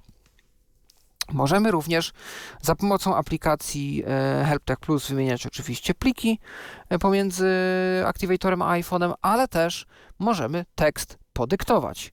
E, I tutaj ciekawostka, bo jeżeli podyktujemy taki tekst na iPhone'ie, to możemy albo utworzyć z niego nowy plik, który zostanie zapisany w pamięci Activatora, albo wstawić go w tym miejscu, w którym aktualnie jesteśmy i nad którym aktualnie pracujemy. E, ponadto aplikacja HelpTech Plus oferuje dostęp do wiadomości i tutaj na ten moment ciężko stwierdzić, co to za wiadomości, czy to jest po prostu czytnik RSS, czy to jest integrowane na sztywno z jakimiś konkretnymi mediami, prawdopodobnie niemieckimi na ten moment, czy jeszcze jakoś inaczej, coś innego mają na myśli. Tu również odpowiedzi oczekiwałbym e, w filmikach, które się ukażą na kanale HelpTech. Na ten moment na kanale jest już cała dzisiejsza prezentacja e, Activatora w języku niemieckim. Mm, można więc ją obejrzeć. Natomiast Myślę, że wiele więcej niż to, co właśnie tu Wam przedstawiłem, się nie dowiecie z tego. No i to też nie jest ostatnie słowo y, firmy HelpTech, bo obiecali oni oczywiście, że aplikacje będą aktualizować i dzięki temu y, Activatorowi i tej całej współpracy z iPhone'em będzie przybywać coraz więcej nowych funkcji. Nie wiemy na ten moment, ile urządzenie będzie kosztować, ale znając realia firmy HelpTech, y, może być drogo, bo te monitory Acti Lino, y, z tego co, co słyszałem, kiedy wchodziły na rynek, to startowały gdzieś od, dobrze pamiętam, 16 tysięcy. To były chyba jedne z droższych, na pewno droższe w porównaniu z konkurencją. A to są linijki 16-znakowe, dodajmy. Tak, tak. Yy, więc no, też nie wiemy ile tutaj yy, jest komórek Braille'a, bo też się tym yy, jakoś nie pochwalili podczas prezentacji. No i nie wiemy też, kiedy to wejdzie na rynek, czy to już weszło. Chyba już jest dostępne gdzieś tam w Niemczech. No, gdyby to w Polsce było dystrybuowane, prawdopodobnie zajmowałaby się tym firma Madison. Natomiast no, na ten moment nie wiemy, bo to jest y, świeży, nowy sprzęt. Dzisiaj dopiero co nastąpiła jego premiera. No więc czas pokaże, na ile taki produkt, takie podejście do nowoczesności i do współczesnych czasów, gdzie no, żyjemy tą współpracą nad dokumentami, tym, tym, żeby wszystko się działo w czasie rzeczywistym, tym, żeby mieć kontakt już nie tylko z tekstem, ale z jakimiś innymi e, multimediami. Na ile e, propozycja HelpTeka dorasta do wymagań użytkowników, którzy na taki sprzęt mogliby się skusić. E, to teraz taki w zasadzie no, zbiór newsów od Piotrka. Dokładnie dzisiaj znów kilka takich e, aktualizacji, ale nie tylko tym razem, bo też jak zwykle trochę w świecie aplikacji i technologii się dzieje.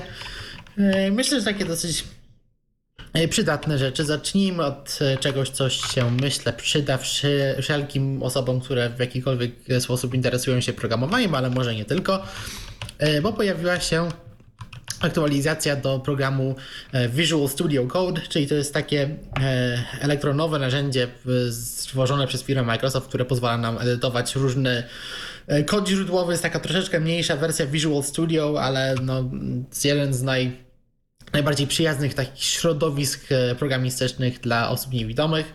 No i właśnie a propos tego, e, w tej najnowszej wersji to jest wersja 1.78.1. E, kilka błędów zostało poprawione. Na przykład u niektórych osób skrót idź do linii, idź do wiersza przestał działać. Na przykład u mnie tak było. No to jest coś, co programistom często, często się przydaje, bo jeśli wyskoczy jakiś błąd, często wtedy jesteśmy informowani, na której linii, w którym wierszu ten błąd wystąpił, więc e, taki skrót jest często wykorzystywany. E, to nie było zepsute u wszystkich, ale u niektórych się faktycznie zepsuło. E, no i w tej wersji na szczęście ten problem już został poprawiony.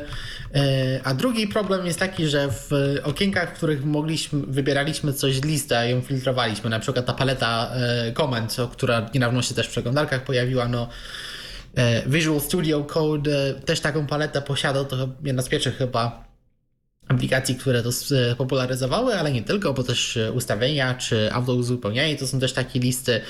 E, jeśli zaczęliśmy wpisywać jakieś polecenie, no to naciśnięcie klawisza Enter powinno zaznaczyć nam pierwszą opcję, wybrać ją, a to też nie zawsze działało. Na szczęście E, w najnowszej wersji to też zostało poprawione, więc można spokojnie sobie zaktualizować. No i wtedy e, wystarczy, że wpiszemy kilka pierwszych liter polecenia czy e, pliku, który nas interesuje, i kiedy nasz czytnik ekranu przeczyta nazwę, która nas interesuje, to po prostu naciskamy Enter, no i ta opcja powinna zostać aktywowana. No a aktualizację możecie sobie E, wykonać ręcznie z menu pomoc z aplikacji. Na, e, na Windowsie to będzie w menu pomoc, no a na Macu no to jest e, w menu Visual Studio Code, tak jak z innymi aplikacjami na Macu to będzie obok obok tego menu Apple na pasku menu. No a propos Maca, to kolejna aplikacja, która staje się bardziej dostępna, to takie narzędzie do otrzymiania nagrań hash. Ja już kilka Tyflo przeglądów temu e, o niej mówiłem, pokazywałem kilka próbek. To aplikacja, która używając procesora neuronowego w nowych Macach e, potrafi e, otrzymać nagrania w taki bardzo dokładny, bardzo szybki sposób, no i jednocześnie mm, powodują, nie powodując, że nasz komputer się jakoś będzie przegrzewał, no bo wykorzystuje ten specjalny e, procesor do tego. E, no, niestety, mimo to, że aplikacja naprawdę dawała całkiem fajne efekty, to jej dostępność była średnia. Największy problem był taki, że żeby cokolwiek do tej aplikacji załadować, no to musieliśmy e, na okno programu te pliki przeciągnąć myszką. Dało się to zrobić, ale to e, nie jest bardzo łatwy proces, który często nie działa tak jak powinien. Więc trafiła do mnie wiadomość na Mastodonie, że w wersji beta aplikacji, która jeszcze się nie pojawiła publicznie, ale na pewno na dniach się ukaże, E, zostały wprowadzone jakieś poprawki z dostępnością VoiceOvera, więc przypuszczam, że gdzieś w aplikacji pojawił się jakiś przycisk, może skrót klawiszowy, który nam pozwala po prostu te pliki z normalnego okienka sobie załadować. Tam też było parę obrazków, które chyba do niczego nam nie były potrzebne, ale VoiceOver je czytał, więc może też tutaj to zostało poprawione, żeby ten interfejs był po prostu E, czystszy, żeby mniej było w nim e, niepotrzebnych elementów. Więc aplikacja na pewno warta e, polecenia. Jeśli chcielibyście usłyszeć, jak ona działa, no to zachęcam do odsłuchania tego Tyflo przeglądu. Teraz nie pamiętam, który to jest odcinek, bo to kilka tygodni temu było, ale możecie usłyszeć, jak, jak ten program działa. E, pojawiła się również aktualizacja e, Hearthstone'a. W zeszłym tygodniu wspominaliśmy o tym, że szykują się duże zmiany. Nowy sezon ustawek był zapowiedziany. E, no i ten sezon ustawek się już rozpoczął. Tam pojawiło się prawie 60 nowych stronników, e, więc e, nie będę wszystkich opisywał, bo trochę by nam to zajęło. Natomiast jest polski artykuł, który przygotowała firma Blizzard, którym opisuje, co w tym czwartym sezonie się pojawiło. No i ten patch, który to wprowadził, też już się pojawił wczoraj. To jest patch 26.1. E, niestety e, informacje o nowościach w tym patchu, które konkretnie wymieniają tych wszystkich stronników, e, po polsku jeszcze się nie pojawił, ale ja podesłałem chociaż link do wersji angielskiej, więc ten artykuł w połączeniu z tym polskim artykułem, który mówi o tym, co, mm, co się zmienia w czwartym sezonie ustawek, powinien Wam pokazać dokładnie, czego możecie się spodziewać.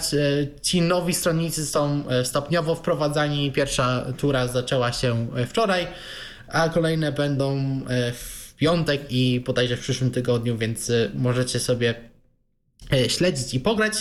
No właśnie, na szczęście mod Hearthstone Access już też został zaktualizowany, mimo to, że w gra zaktualizowała silnik Unity, na którym została napisana, to troszeczkę zmartwiło niektóre osoby, bo martwiliśmy się, że to może utrudnić pracę nad modem. No jakieś utrudnienia były. Na szczęście E, programiści pracujący nad Hearthstone Accessem już w większości z tymi problemami się uporali, a przynajmniej jeden z nich.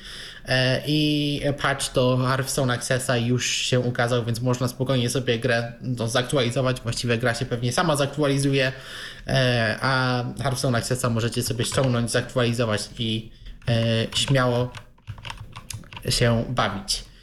I na koniec taka informacja dla entuzjastów e, technologii retro, bo pojawiła się strona internetowa, która w taki bardzo fajny sposób e, pokazuje nam e, historię wszystkich wersji czytnika ekranu Windows, więc jeśli byście chcieli powspominać, co w tym programie się zmieniało przez lata, możecie sobie wejść. Strona jest bardzo prosta. Po wejściu na nią mamy w duże wersje najpierw, więc 9, 8, 7 z latami, w których te wersje były rozwijane. Jeśli klikniemy sobie w którąś z tych wersji, no to mamy e, wszystkie mniejsze wersje rozbite na nagłówki, na listy, więc możemy sobie e, spokojnie przeczytać, co w każdej wersji tego programu się zmieniło. E, więc jeśli ktoś ciepło wspomina ten program albo może ominęło go, y, ominął go Windows, a jest ciekawy, dlaczego na przykład y, ludzie lubili ten program, no to możecie sobie na tej stronie poczytać, jak ten program na, y, na przebiegu lat się zmieniał. Moja pierwsza wersja na przykład, nie wiedziałem, że to się w tej wersji pokazało, Windows 4.5, E, to była dosyć istotna wersja, bo w niej trafił e, tryb przeglądania, czyli takie skróty, które znamy do dziś, H do nagłówków, e, K do linków, chyba, nie wiem, czy to było w Windowsie, no ale... Znaczy, tak? to chyba jakoś było wcześniej, tylko albo tam były inne skróty, albo już nie pamiętam co, bo ja miałem wersję najwcześniejszą, to chyba 3.1. Tam Ja też, ja też miałem 3.1. I zdaje się, że tam by... Tylko to wolniej działało jakoś w Aha. ogóle. No Chyba w tak 4.5 minęło. tam ten tryb MSA był bardzo y, przebudowany, stał się przebudowany dość mocno. Może, bo tam właśnie to była taka główna nowość, tam pisało o tych skrótach, więc myślałem, że to wtedy się pojawiło. No mniej To więcej. znaczy, ja nie wiem, czy tam wcześniej było tak, że były, mm, nie wiem, czy nie były skróty, jakieś strzałki z kontrolem, nie, nie pamiętam, jak to było. Musiałbym, podejrzewam, podać jakiegoś Windowsa XP yy, na jakąś wirtualną maszynę i sprawdzić, bo to chyba nie czy na jakimś nowszym pójdzie. W każdym No, albo razie, sobie poczytać o te, wszystkie changelogi do tyłu. tak, też można. Ja podejrzewam, że tak zrobię, bo rzeczywiście to jest taki czytnik, który miałem pierwszy jako, nie? który jako pierwszy miałem na system Windows, y, gdzieś tam jeszcze w szkole, w Laskach, tam rzeczywiście te Windowsy były mocno wykorzystywane. Y, No i u mnie też na pierwszych komputerach to był właśnie Windows. Tak, więc e, jeśli ktoś jest ciekawy albo właśnie używał i chciałby sobie powspominać, to zapraszam do e, linku w komentarzu. Możecie sobie każdą wersję po kolei przejrzeć. Ja E, też a bardzo ciepło wspominam zresztą Windowsa, też, też naprawdę myślę, że warto sobie gdzieś tam poczytać o tym, bo on miał sporo możliwości, a przy tym był dosyć prosty jak na czytniki ekranu i taki moim zdaniem dość naprawdę intuicyjny w E, obsłudze. Tak, a jeszcze jakby ktoś chciał sobie posłuchać, jak to brzmiało, to też w Tyflo Podcaście parę audycji o Windowsie się znajdzie, a jeszcze starsze, no to e, archiwa main menu się też polecają, gdzie znajdziemy wywiady z ludźmi z GW Micro, jak ten program stopniowo się rozwijał, więc jak ktoś chce naprawdę zgłębić temat Windowsa czy e, innych czytników ekranu, to, e, to gorąco do tego e, zapraszamy. Ja jeszcze a propos drobnych newsów dorzucę e, kilka może rzeczy. Przede wszystkim e, e, tak, wiemy e, ile komórek ma e, Activator, 40. To ja nie, tutaj um- umknęła mi ta informacja, już doczytałem. Natomiast e, tak, e, pojawiła się nowa wersja Dice Worlda. Ja nie gram osobiście w tą grę i lista zmian też nie jest zbyt szczegółowa. Jak chodzi o to, co się zmieniło, ponoć doszły nowe funkcje dostępności. No, no nie wiem, o co może tam chodzić czy coś jeszcze nie było czytane tak, jak czytane być powinno, Mm, czy jeszcze w jakiś nowy, innowacyjny sposób y, pozwolono cieszyć się grą. O? Minimalnie interfejs się zmienił, ja akurat czasami gram to, e, no i jakość dźwięku spadła.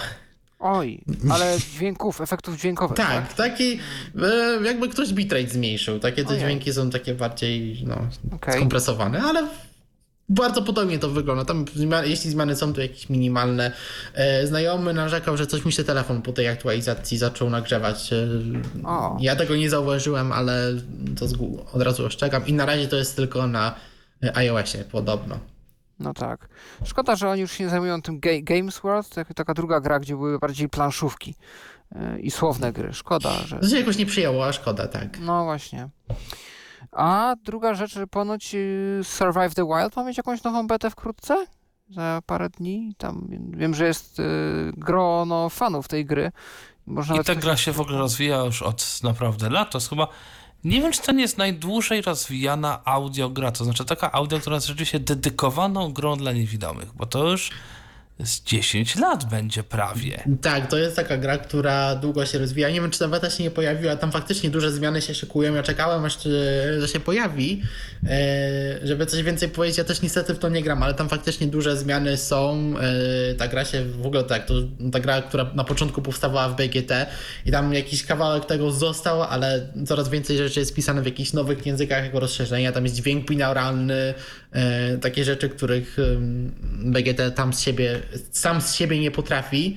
E, A no i faktycznie przypomnijcie może, czas- y, na czym polega ta O czym gra. to jest? To jest w ogóle gra, w której y, pod, y, no, z powodu jakiejś katastrofy, która się wydarzyła, to jest w takiej scence, którą można sobie na, na takim, nie wiem, słuchowisku, no bo nie wiem, czy to można nazwać filmikiem, jak to jest tylko dźwięk.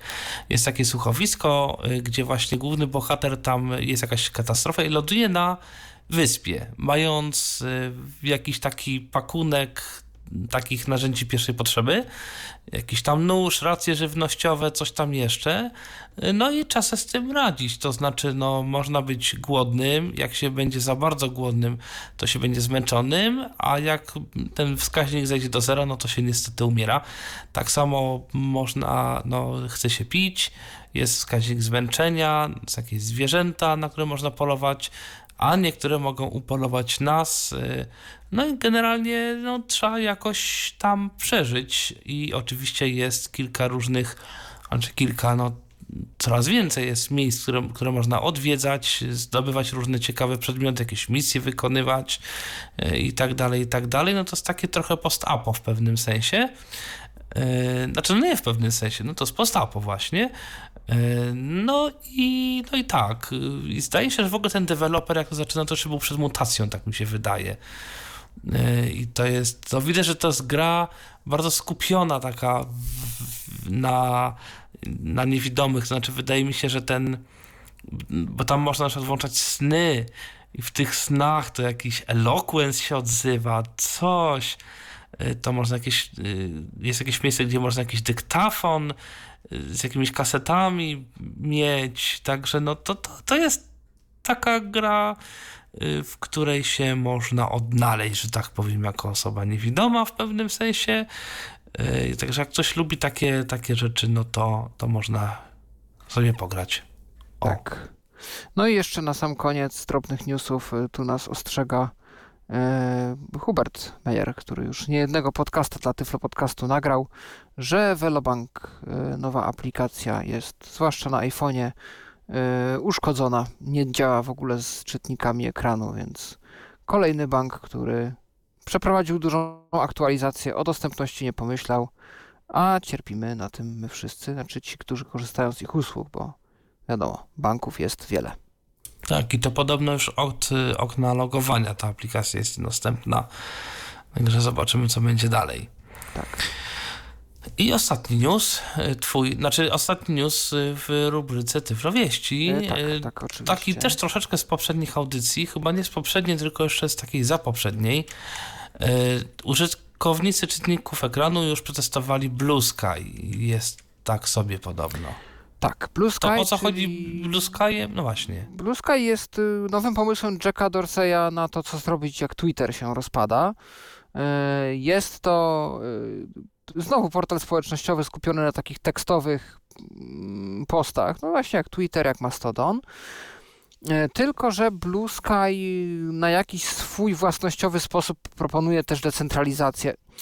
Nie do końca wiem jeszcze, jak to działa. Wiem, że można podpinać jakoś pod to własne domeny. E, i śledzić się po tych jakichś domenach. I nie wiem, czy tu nie chodzi o to, że trochę taki identyfik, że ta domena jest takim jakby identyfikatorem naszym. Coś jak kiedyś MSN Messenger czy Windows Live Messenger miał mm, te swoje Live ID i każdy mógł jako ID podać swojego maila e, i potem się wymieniało mailami, żeby się dodać wzajemnie do kontaktów, no to tutaj nie wiem, czy to nie jest podobnie, jak chodzi o, o tą decentralizację, że można coś zarejestrować, swoją domenę i to jest niby taki jakiś może nie serwer, ale jakiś taki nasz własny zakątek w tym Blue Sky'u, ale nie jest to otwartoźródłowy protokół, nie jest to oparte o ActivityPub i tak dalej. Natomiast e, na ten moment, podobnie jak z Clubhouse'em było dwa lata temu, e, program, znaczy portal jest typowo na zaproszenia i jak zwykle zaczyna się od tych najbardziej wpływowych, czyli politycy, influencerzy i tak dalej, cała śmietanka towarzyska naszego społeczeństwa. Ale to powoli idzie w dół, w dół, w dół, w dół, w dół i powoli y, te osoby zapraszają kolejne osoby. I tak się już zdarzyło, że ktoś ponoć niewidomy tam zajrzał. No, nie, że się nie da, ale no, kto chciałby z własnej nieprzymuszonej woli korzystać z portalu zrobionego w taki sposób? E, role przy, elementów są niepoprzepisywane, e, wszystko jest elementem klikalnym, nie ma jakichś przycisków mm, ani innych tam kontrolek, tylko wszystko jest klikalne. E, gołe cyfry bez przypisania, co, co jest podaniem dalej, co jest polubieniem. Jakieś liczby są podane, trzeba się domyślić, co jest co. E, nie ma chyba jeszcze funkcji e, opisywania obrazków tekstem alternatywnym, a nawet jak jest, to nikt jej nie używa.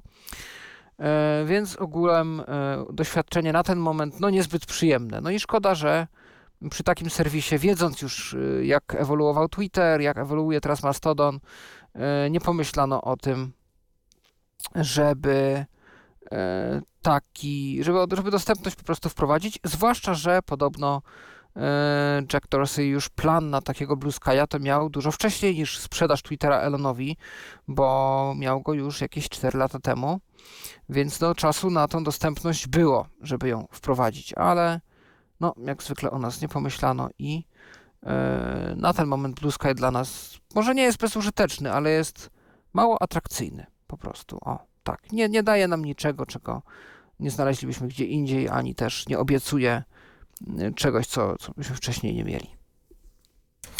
I na tym kończymy tą rubrykę Tyflo Wieści, ale nie kończymy oczywiście newsów do Tyflo Przeglądu, tylko gdzieś mi tutaj uciekła audycja i nie jestem w stanie w tej chwili sprawdzić, co tu... To jeszcze może a propos takich mediów społecznościowych, e, no to jeśli chodzi o Mastodona, to na przykład e, ostatnio do portalu dołączyła firma Freedom Scientific czy e, amerykańskie NFB, więc coraz tak. więcej niewidomych na... też.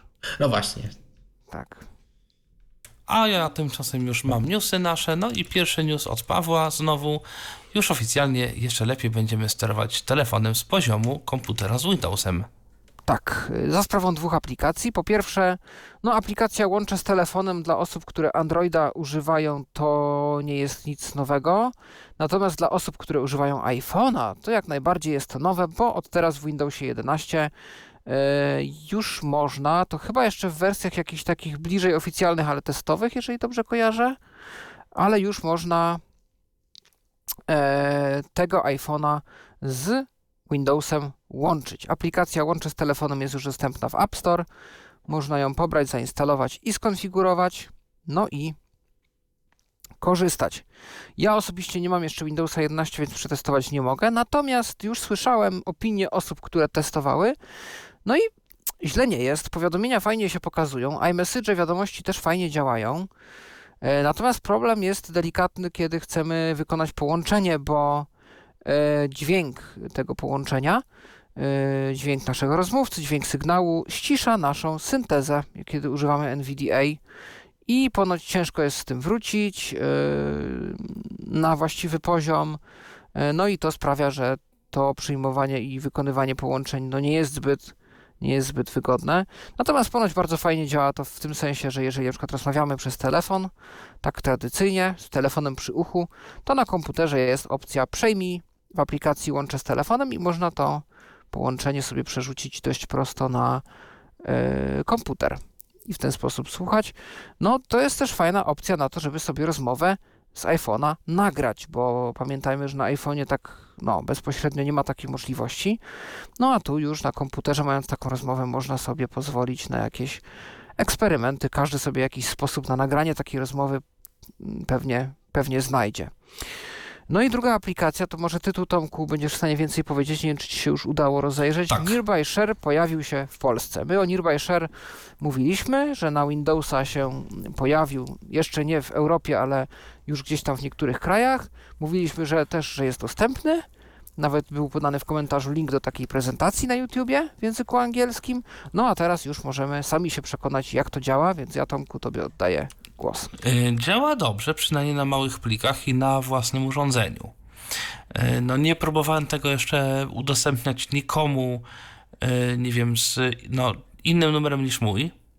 Natomiast zasadniczo działa no tylko z tego, co przynajmniej tutaj widzę, w, z, w, z osobami, które mają, no mam w kontaktach. Nie wiem, czy da się to przestawić w taki sposób, że na przykład ktoś do mnie przyjeżdża, kogo z jakiegoś powodu w kontaktach nie mam i chciałem mu coś wysłać. Nie wiem, czy da się to przestawić chociaż na chwilę, żeby mógł, czy ten, żeby ktoś mógł odebrać ode mnie ten plik, nie mając mnie w kontaktach. Być może trzeba się dodać do kontaktów. W Wydaje każdym... się, że można, bo tak coś kojarzę z tej prezentacji, że gdzieś w ustawieniach jest ten tryb y, wykrywania i tam chyba były trzy opcje, że E, być może ja właśnie widziałem. No nic, zobaczymy. Może, może rzeczywiście to się, to się uda zrobić. No i mm, w telefonie musi być włączony rzeczywiście Bluetooth. e, w komputerze ja mam Bluetooth chyba wyłączony, chociaż nie jestem pewien. Być może ta aplikacja włącza Bluetooth i go jakoś nam ustawia po swojemu, nie wiem. E, wysyłałem na razie pliki tekstowe, więc raczej malutkie. I udało się. Natomiast e, w aplikacji jest e, taki, taka jedna niefajna rzecz, bo jak wysyłam na telefon, to pojawia się powiadomienie, dźwięk powiadomienia. Jak wysyłam na Windows, prawdopodobnie też jest powiadomienie, ale nie pojawia się żadne okno, więc trzeba wiedzieć o tym, że ktoś nam wysyła plik. Trzeba wejść w Windows B w obszar powiadomień, znaleźć sobie tam, u mnie na pierwszym miejscu była ta aplikacja właśnie udostępnianie w pobliżu, no i wtedy mogłem rzeczywiście pobrać sobie ten plik. No ale musiałem wiedzieć, że ktoś mi coś wysyła, bo komputer mi nic nie powiedział. W centrum powiadomień, jak rozumiem, też tego nie było. Yy, nie wiem, nie ogarniam szczerze mówiąc tego centrum powiadomień Windowsowego. Yy, jakoś nigdy nie, nie miałem do tego jakiegoś, nie wiem, no jakoś nie, nie ogarnąłem do tej pory tego centrum powiadomień. Być może tam jest, rzeczywiście. Natomiast działa to dobrze, no dość intuicyjnie. Pojawia się kod, który taki dla pewności, który musi być taki sam na obu urządzeniach. Znaczy nic nie trzeba wpisywać, natomiast oba urządzenia go wyświetlają, no i powinien być taki sam. No to jest takie zabezpieczenie. Yy, to jest, y, no to jest pewnie coś takiego, żeby, żeby na pewno było wiadomo, że, że, że, to, że to jest nasz plik. Y, no i wysłał się. W przypadku Windowsa jest to pobierane do folderu tego, tego no, pobrane C, y, C tam użytkownicy, naz moja nazwa coś tam download. W przypadku telefonu też się to pobiera do folderu download. Tutaj nie ma pytania, gdzie zapisać plik. W przypadku y, komputera mamy dwa przyciski, wybierz plik i wybierz folder, czyli teoretycznie można na telefon wysyłać całe foldery. No tylko to się przesyła z Bluetooth, więc podejrzewam, że ta szybkość to nie będzie jakaś zabójcza, mówiąc delikatnie. Więc y, nie polecałbym wysyłania, nie wiem, filmów dwugodzinnych tą drogą. No ale się podejrzewam, że jakieś małe pliki tekstowe, może krótkie nagrania, no to podejrzewam, że jakoś pewnie przez to przejdą. E, nie testowałem, czy to ma jeszcze jakieś inne funkcje, typu, nie wiem, współdzielenie schowka. Na razie widziałem tylko właśnie przesyłanie plików. Mm, także tak. No i, już. Eee, trzeba pamiętać właśnie o tym, żeby żeby, żeby, żeby sprawdzić sobie w tych powiadomieniach Windowsowych, czy to jest. Natomiast telefon, już nie pamiętam, czy on pokazuje okno, czy tylko się wyświetla w powiadomieniach też już. Nie, chyba tylko się wyświetla w powiadomieniach. I trzeba mieć odblokowany telefon, żeby to działało. Natomiast jak miałem odblokowany telefon, bardzo szybko to znalazłem i no i to, to, jest taki bardzo naprawdę łatwy, łatwy kreator, gdzie po prostu wybieram urządzenie, sprawdzam ten kod bezpieczeństwa, y, zgadzam się na urządzeniu, czy mam to przyjąć, czy chcę to przyjąć, ten plik. No i to za chwilę się już wysyła. Także no, fajne. A tymczasem mamy słuchacza na linii, a właściwie za chwilę będziemy go mieć, bo właśnie Bartek się do naszego Zooma podłącza.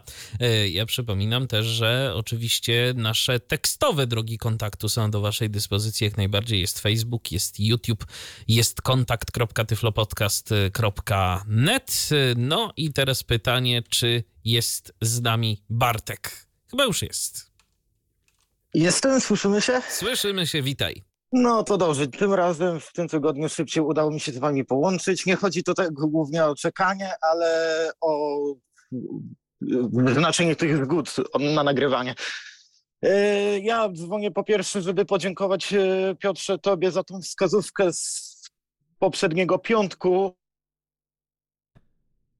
czyli rozumiem, że zadziałało. To się tyczyło tej sprawy z iPhone'em i wyciszania tego. Tak, zadziałało i co, żeby jeszcze było ciekawsze, znalazłem w dwóch miejscach tą samą opcję, bo nie tylko jak mówiłeś w Face ID, ale również się okazało, że to też można znaleźć w opcjach dostępności. Aha, I jak, no się, jak, jak się wejdzie w dostępność i pozycję przycisk boczny, to ta opcja również tam widnieje. No to dobrze wiedzieć, nie wiedziałem, Więc że jest, jeżeli ktoś, że tak powiem, komuś jest uporczywy chociażby wpisywanie kodu, no to może sobie znaleźć drogę na skróty i przejść e, do, do dostępności i tam sobie to po prostu wyłączyć bądź włączyć jak komu pasuje. A dzwonię do Was z takim pytaniem zasadniczo, bo wczoraj dopiero coś się zorientowałem, że tutaj mi jedna sprawa nie pasuje. Mianowicie, czy ktoś z Was ostatnio może korzystał z Pontus Media Downloader? Ja powiem szczerze, dawno już nie korzystałem z Pontesa. Domyślam się, do czego możesz zmierzać. Y, Przestało pobierać, tak? No, no, no właśnie, nie wiem, czy to wyszła jakaś nowa aktualizacja, bo wszystko robiłem tak jak poprzednio. y, Adres URL skopiowany, wklejony, wybrany format, przycisk Tam- download wciśnięty.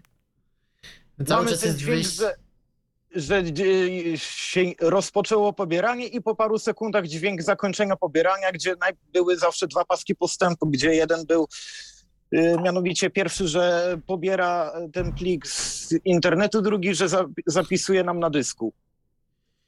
No tam na YouTubie cały czas jest wyścig tak naprawdę e, kotka myszki, jeśli chodzi o YouTube'a, a narzędzia, które to pobierają. Z tego co pamiętam, bo niedawno, to znaczy to jakiś miesiąc albo dwa temu pomagałem komuś z tym programem e, i tam udaje, że w menu jest opcja, żeby ten silnik, czy tego YouTube DL-a, bo on tam w, w, wykorzystuje e, YTDLP w, w tle, e, da się to zaktualizować, to bodajże na pasku menu jest e, bo nie wiem, czym program nawet jest spolszczony, szczerze mówiąc. E, Nie, spolszczony nie jest, Piotrze. No to tam- widziałem i chyba w, y, w zakładce help coś było update i możliwe, że E, tak, i tam chyba mówisz. też z tego co pamiętam na pasku menu było menu engine, czyli silnik i tam też była osobna opcja, żeby ten silnik zaktualizować. Ja bym to spróbował e, wcisnąć. Okej, bo to nie tylko u mnie, że tak powiem, nie działa. Parę tygodni temu tutaj jeden znajomy też do mnie dzwonił i mówił, że u niego też to nie działa i właśnie zastanawiałem się, czy to może tylko u niego, ale jak wczoraj odpaliłem i okazało się, że u mnie też to nie działa. E, No tam faktycznie co jakiś czas YouTube coś psuje i wtedy trzeba zobaczyć po pierwsze, czy jest nowa wersja tego media downloadera, bo z tego co pamiętam, tam też jakaś aktualizacja była, no ale też e, w razie takiej sytuacji zawsze warto sobie ten silnik zaktualizować. E, Z Czyli menu. po polsku rzecz ujmując, jak wejdziemy y, w, na zakładkę pomoc, czyli help y, i szukamy pozycji Pewnie a- check, check for updates y, prawdopodobnie też z mhm. tego, z tego co pamiętam też na pasku menu, czyli pod altem było menu Engine silnik i tam też pewnie będzie podobna opcja. Ja teraz nie I tam pamiętam jest, dokładnie. to zdaje się, że jest tylko jedna opcja w tym menu. A, no to nawet łatwiej. Okej, no to... Dokładnie mam tego programu przed sobą, żeby sprawdzić. No ja akurat, ja nawet, że tak powiem, komputer odpalony mam, tylko że w tle mam odpalony Tyflo Przegląd, bo słucham was, że tak powiem, zarówno na, na Facebooku i w Tyflo Radiu. Bartku, to ja teraz myślę, nie- że nie ma sensu tego robić teraz, po prostu sprawdź sobie y, i, i, i Ale że tak zobaczysz, powiem, czy, aku, czy to akurat zadziała. już teraz wyłączyłem was na chwilę na komputerze, więc nawet jestem w stanie sprawdzić to w czasie rzeczywistym. No to ewentualnie możesz spróbować uruchomić faktycznie. Okej. Tylko Michale, nie przestrasz się, jak usłyszysz siebie w tle. słyszę się, słyszę. No, Powiem, że naprawdę, no, a propos tego, twój głos tutaj naprawdę mi odpowiada. No to dziękuję. I, dla, I dlatego, że tak powiem, pom- okej, i dlatego go używam. Okej, wchodzimy w... Okej, i teraz wchodzimy na pasek menu i mamy help. Nie, nie help, tylko spróbuj może najpierw ten, tę aktualizację tego, tego silnika. A to było w options? Engine, engine. No, tutaj mamy tylko plik, go to, options i help. A w options nie ma Ej, tego? może, no właśnie, może tam. Program options. Jest, O, o, jest, jest to. u, u, e, engine. Mhm. Spróbuj.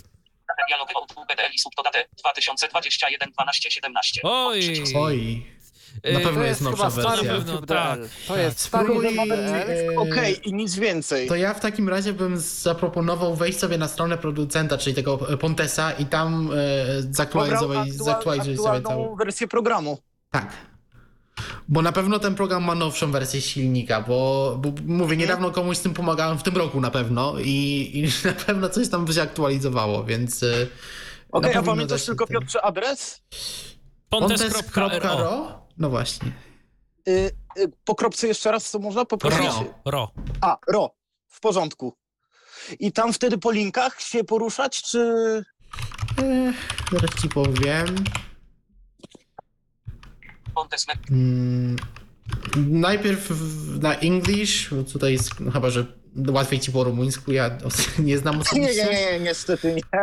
E, I potem, e, potem w projects, projects Mhm.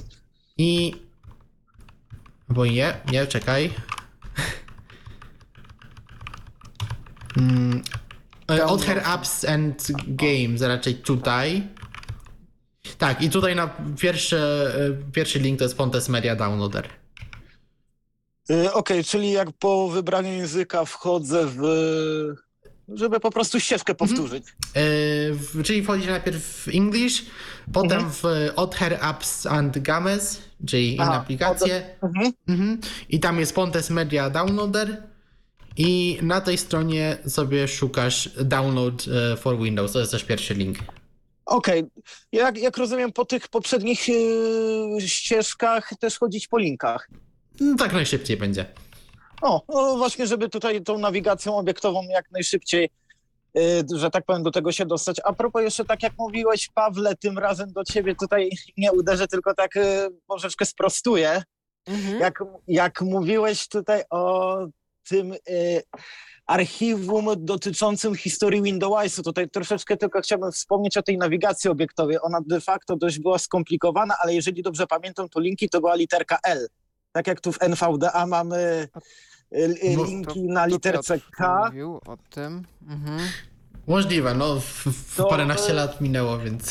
W, w ogóle to NVDA, y, przepraszam, Windows był w ogóle je- tak niedopracowany, nie wiem jak jest teraz, bo teraz korzystam tylko i wyłącznie z NVDA, bo wtedy to Już C to nie jest były rozwijane tylko... w tym Bartku, momencie. Windowsa już nie ma. y, No, może, może i nawet lepiej, szczerze powiedziawszy, tak subiektywnie. To znaczy nie. wersja, wersja 9, która ostatnio się pojawiła, to już tam naprawdę spore zmiany, jeśli chodzi o to wsparcie dla internetu, się zaczęły pojawiać, no ale niestety już było za późno, bo e, firma AI Squared została przejęta przez Freedoma, no a Tak, potem najpierw, wiadomo, najpierw GW Micro y, zostało przejęte przez AI Square, a później AI Square zostało przejęte przez Freedoma.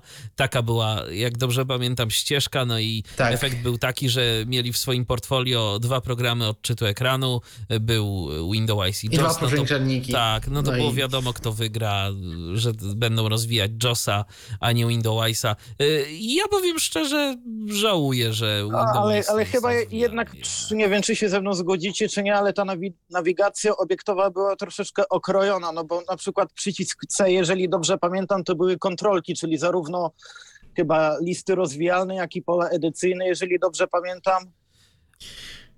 To się wszystko potem zaczęło zmieniać. Tam Mówię, pamiętam te dwie ostatnie wersje skrótów. były zmiany.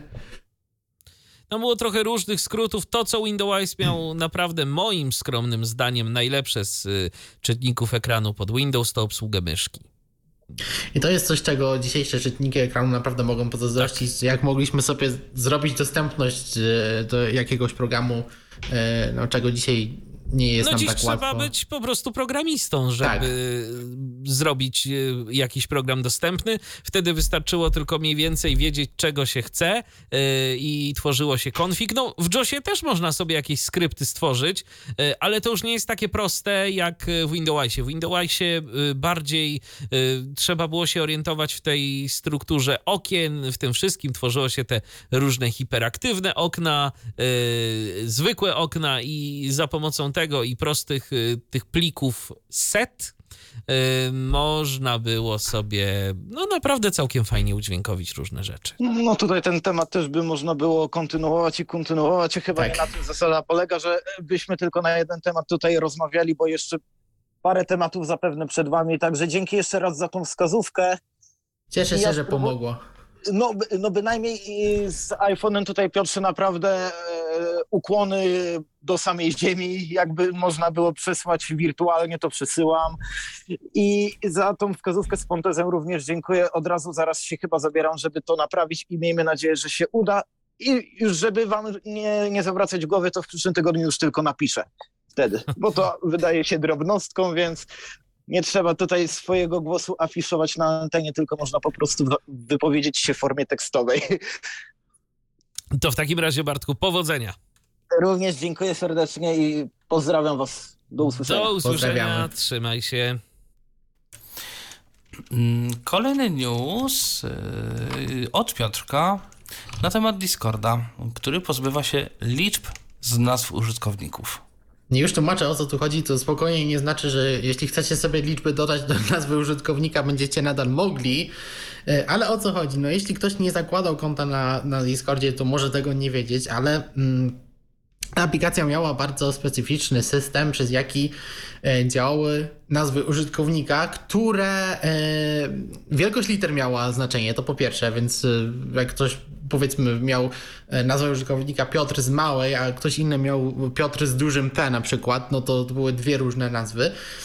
Ale też mogło być spokojnie kilkanaście albo kilkadziesiąt takich osób bo do tego, co sobie dopisywaliśmy w nazwę użytkownika, Discord dodawał jeszcze czterocyfrowy, oni to nazywają dyskryminator, czyli na przykład powiedzmy mogło być Piotr e, hash 1234, tam po prostu był znak krzyżyk, hashtag, jak, jak to woli.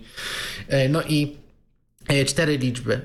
To było generowane losowo i dzięki temu wiele osób mogło mieć tą samą nazwę użytkownika. Te liczby też się dało zmienić, jak ktoś sobie wykupił te pakiety premium bodajże, to można było sobie własne cyfry ustawić, ale pozbyć się ich nie dało. No to miało swoje plusy, minusy.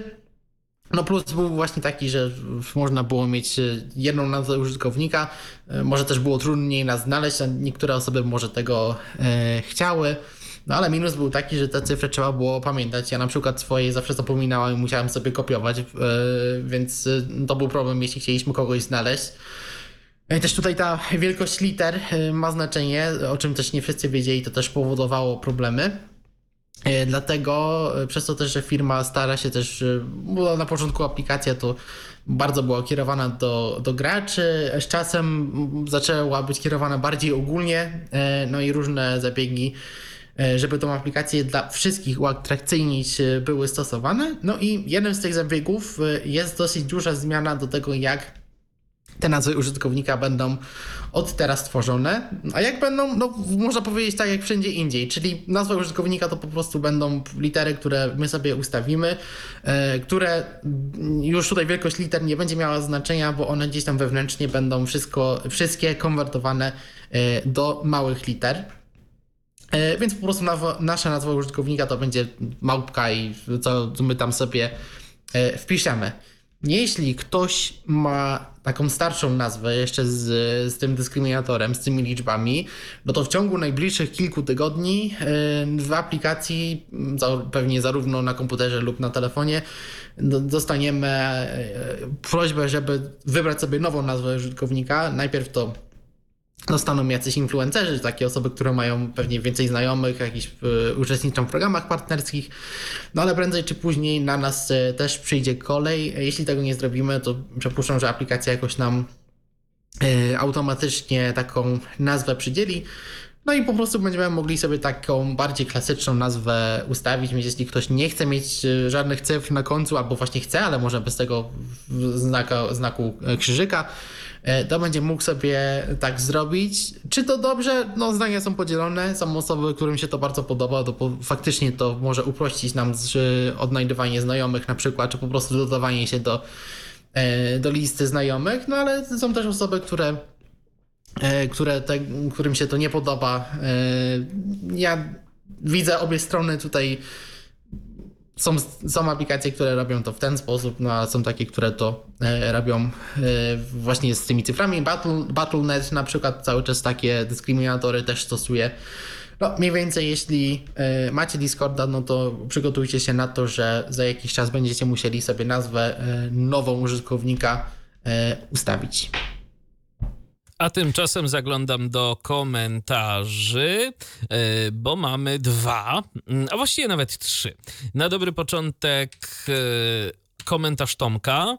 Czy wiecie coś o działaniach prowadnicy w druku 3D? Niestety nie mogłem brać udziału w ich konferencji, a wspominany ostatnio materiał jest jak dla mnie zbyt naukowo-matematyczny. Może nagralibyście o tym odcinek. Tomku, y, odcinek o dostępności druku 3D jako taki był i swego czasu z Dawidem Pieperem rozmawiałem na ten temat, więc odsyłam cię do archiwum e, Tyflo Podcastu, ale myślę, że do tego tematu jeszcze e, za czas jakiś wrócimy, bo myślę, że też tu Dawid i ekipa prowadnicy będą mieli, e, myślę, że jeszcze coś ciekawego do opowiedzenia na ten temat, no bo to, co obecnie opublikowali, jest ukoronowaniem ich działań, a my o tym dostęp, o dostępności druku 3D, o dostępności drukarek jako takich, no mówiliśmy już jakiś czas temu. Kolejny komentarz y, od Grzegorza to y, informacja o tym, że BART już jest w Polsce, a dziś zdaje się jest w ogóle Google I.O., prawda? Y... Tak, no i właśnie bardzo dużo tematów sztucznej inteligencji. Ja chwilę miałem okazję przed audycją posłuchać, no to właśnie jakieś nowe, nowe e, modele językowe, ten BART ponoć ma działać lepiej. No i właśnie e, w różnych krajach się, w 180 krajach się pojawił. Mi na razie to cały, cały czas mówi, że nie jest dostępny w moim kraju, nie wiem co robię źle. Jak widać, myślałem, że może Polska znów została wykluczona, no ale może, może jednak nie. Coś. Co? Bo to czasami cookie jakieś hmm. proste. Może w Chromie spróbuję, bo z Firefoxa może. wchodzę, może przeglądarki nie, nie lubi. Yy, powsta- wyszły też nowe piksele, yy, na przykład taki składany piksel się pojawił, ale też yy, nowy Pixel 7a z średniej półki. Nie znam szczegółów, bo to się wszystko wydarzyło w, w czasie trwania Tyflo przeglądu, więc nie miałam okazji jeszcze wczytać się, ale myślę, że Będziemy mogli coś więcej powiedzieć, co nas czeka. Też y, niebawem ma się zacząć y, konferencja o nowościach dostępności w Androidzie, więc jeśli ktoś zna angielski, y, chciałby sobie posłuchać, to, to polecamy. No też w przyszłym tygodniu na pewno też więcej coś o tym powiemy, bo no na pewno postaram się też posłuchać, co, co tam się będzie działo. Wiem, że między innymi będzie, nie wiem czy dobrze wymawiam, Nimer Jabber przemawiał E, więc może myślę, że coś e, interesującego dla nas może się pojawić. I jeszcze tu zaglądam do komentarzy. Iwo pyta, co zrobić, żeby iOS mówił powiadomienia, bo ja mam włączone zawsze mów powiadomienia i nie słucham was od początku. Nie można jeździć po nagłówkach w dół. Tego ostatniego nie rozumiem, szczerze powiedziawszy. Że od początku Iwo nas nie słuchasz, to ja się nie dziwię, bo kilka minut na YouTubie nam uciekło akurat niestety z jakiegoś dziwnego powodu. E, nie chciało nam tu zaskoczyć e, nasze oprogramowanie do transmisji. E, nie wiem, Piotrze, Pawle, czy wy może macie jakiś pomysł, o co chodzi z powiadomieniami? No, wydaje mi się, że voiceover, jeżeli nie jest włączony jakiś tryb nie przeszkadzać, albo... No i ta opcja mów powiadomienia jest włączona, tak, no to powinno no to działać. mówić te powiadomienia, tak po prostu. I tu nie potrzeba czegoś więcej. Kwestia, czy może jaką wersję masz iOS-a, bo ja już się gubię, możliwe, że w którejś wersji był jakiś błąd, że to nie było czytane. To też pewnie czasami nie działa, też może jak telefon jest obrócony na przykład ekranem do dołu, to wtedy też e, ekran się nie włącza, to jest wyciszane, to w ogóle taki e, przydatna sugestia, jeśli nie chcemy, żeby nam telefon gadał, możemy go sobie wyciszyć, ale też obrócić ekranem do dołu, to wtedy nawet nam się nie, nie włączy ekran, więc voiceover się nie będzie odzywał. E, na pewno jeśli chodzi o nagłówki, to w poprzedniej wersji iOS-a były problemy z nawigacją po nagłówkach i one w 16.4 bodajże zostały poprawione. Tak. E, więc to warto telefon zaktualizować, jeśli nam nawigacja po nagłówkach w jakiejś aplikacji nie działa tak jak powinna. No a czasami może nie działać, zależy też od aplikacji, ale e, poprawki na pewno w, w tej sferze były. A w przyszłym tygodniu pokażę Ci iOS 16.5 Twoją drogą. No i ostatni news na dzisiaj, przynajmniej ostatni zapisany. Zobaczymy, czy y, coś jeszcze nie wpadnie po drodze, bo nadciąga Logic Pro na iPada. Logic Pro, czyli program do tworzenia muzyki, trochę jak Reaper, tylko bardziej zorientowany na no właśnie tworzenie muzyki. Reaper jest bardziej zorientowany na miksowanie muzyki. Do tej pory Logic Pro był dostępny na Maca, no, a teraz ma być na iPada od chyba przyszłego wtorku, 23 maja. Yy, ceny w Polsce 29, no 30 zł bez grosza subskrypcja miesięczna i 290 zł też chyba bez grosza subskrypcja roczna. Na Maca jest to opłata jednorazowa. Przynajmniej na razie zobaczymy, czy też się to nie zmieni.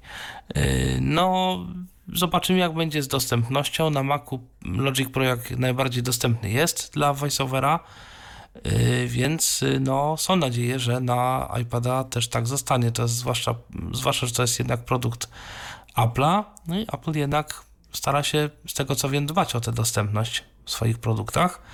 No i miejmy nadzieję, że tutaj też tak będzie. Jest w środowisku kilku y, ludzi, którzy mają iPada, którzy muzyką się zajmują i miejmy nadzieję, że od nich jakiś, jakaś szybka reakcja będzie. Y, Ja no, czekam na taką reakcję, więc może już w przyszłym Tyflo Przeglądzie uda się coś więcej powiedzieć. Mm, Zobaczymy. Ja tylko dodam, że to jest za dwa tygodnie, bo w przyszłym, bo 23, no to. Ale tak, faktycznie, zjadłem To za dwa tygodnie mniej więcej. E, mogę dodać jeszcze, że e, ta aplikacja będzie wymagała procesora e, A12. Ja teraz nie przypomnę sobie, no, w którym iPadzie ten procesor się pojawił, więc Ale to raczej jeden z tych najnowszych, sprzed może Sprzed roku, lat. może dwóch. sprzed kilku lat na pewno, tak. No bo te najnowsze iPady to nawet procesor M1 mają.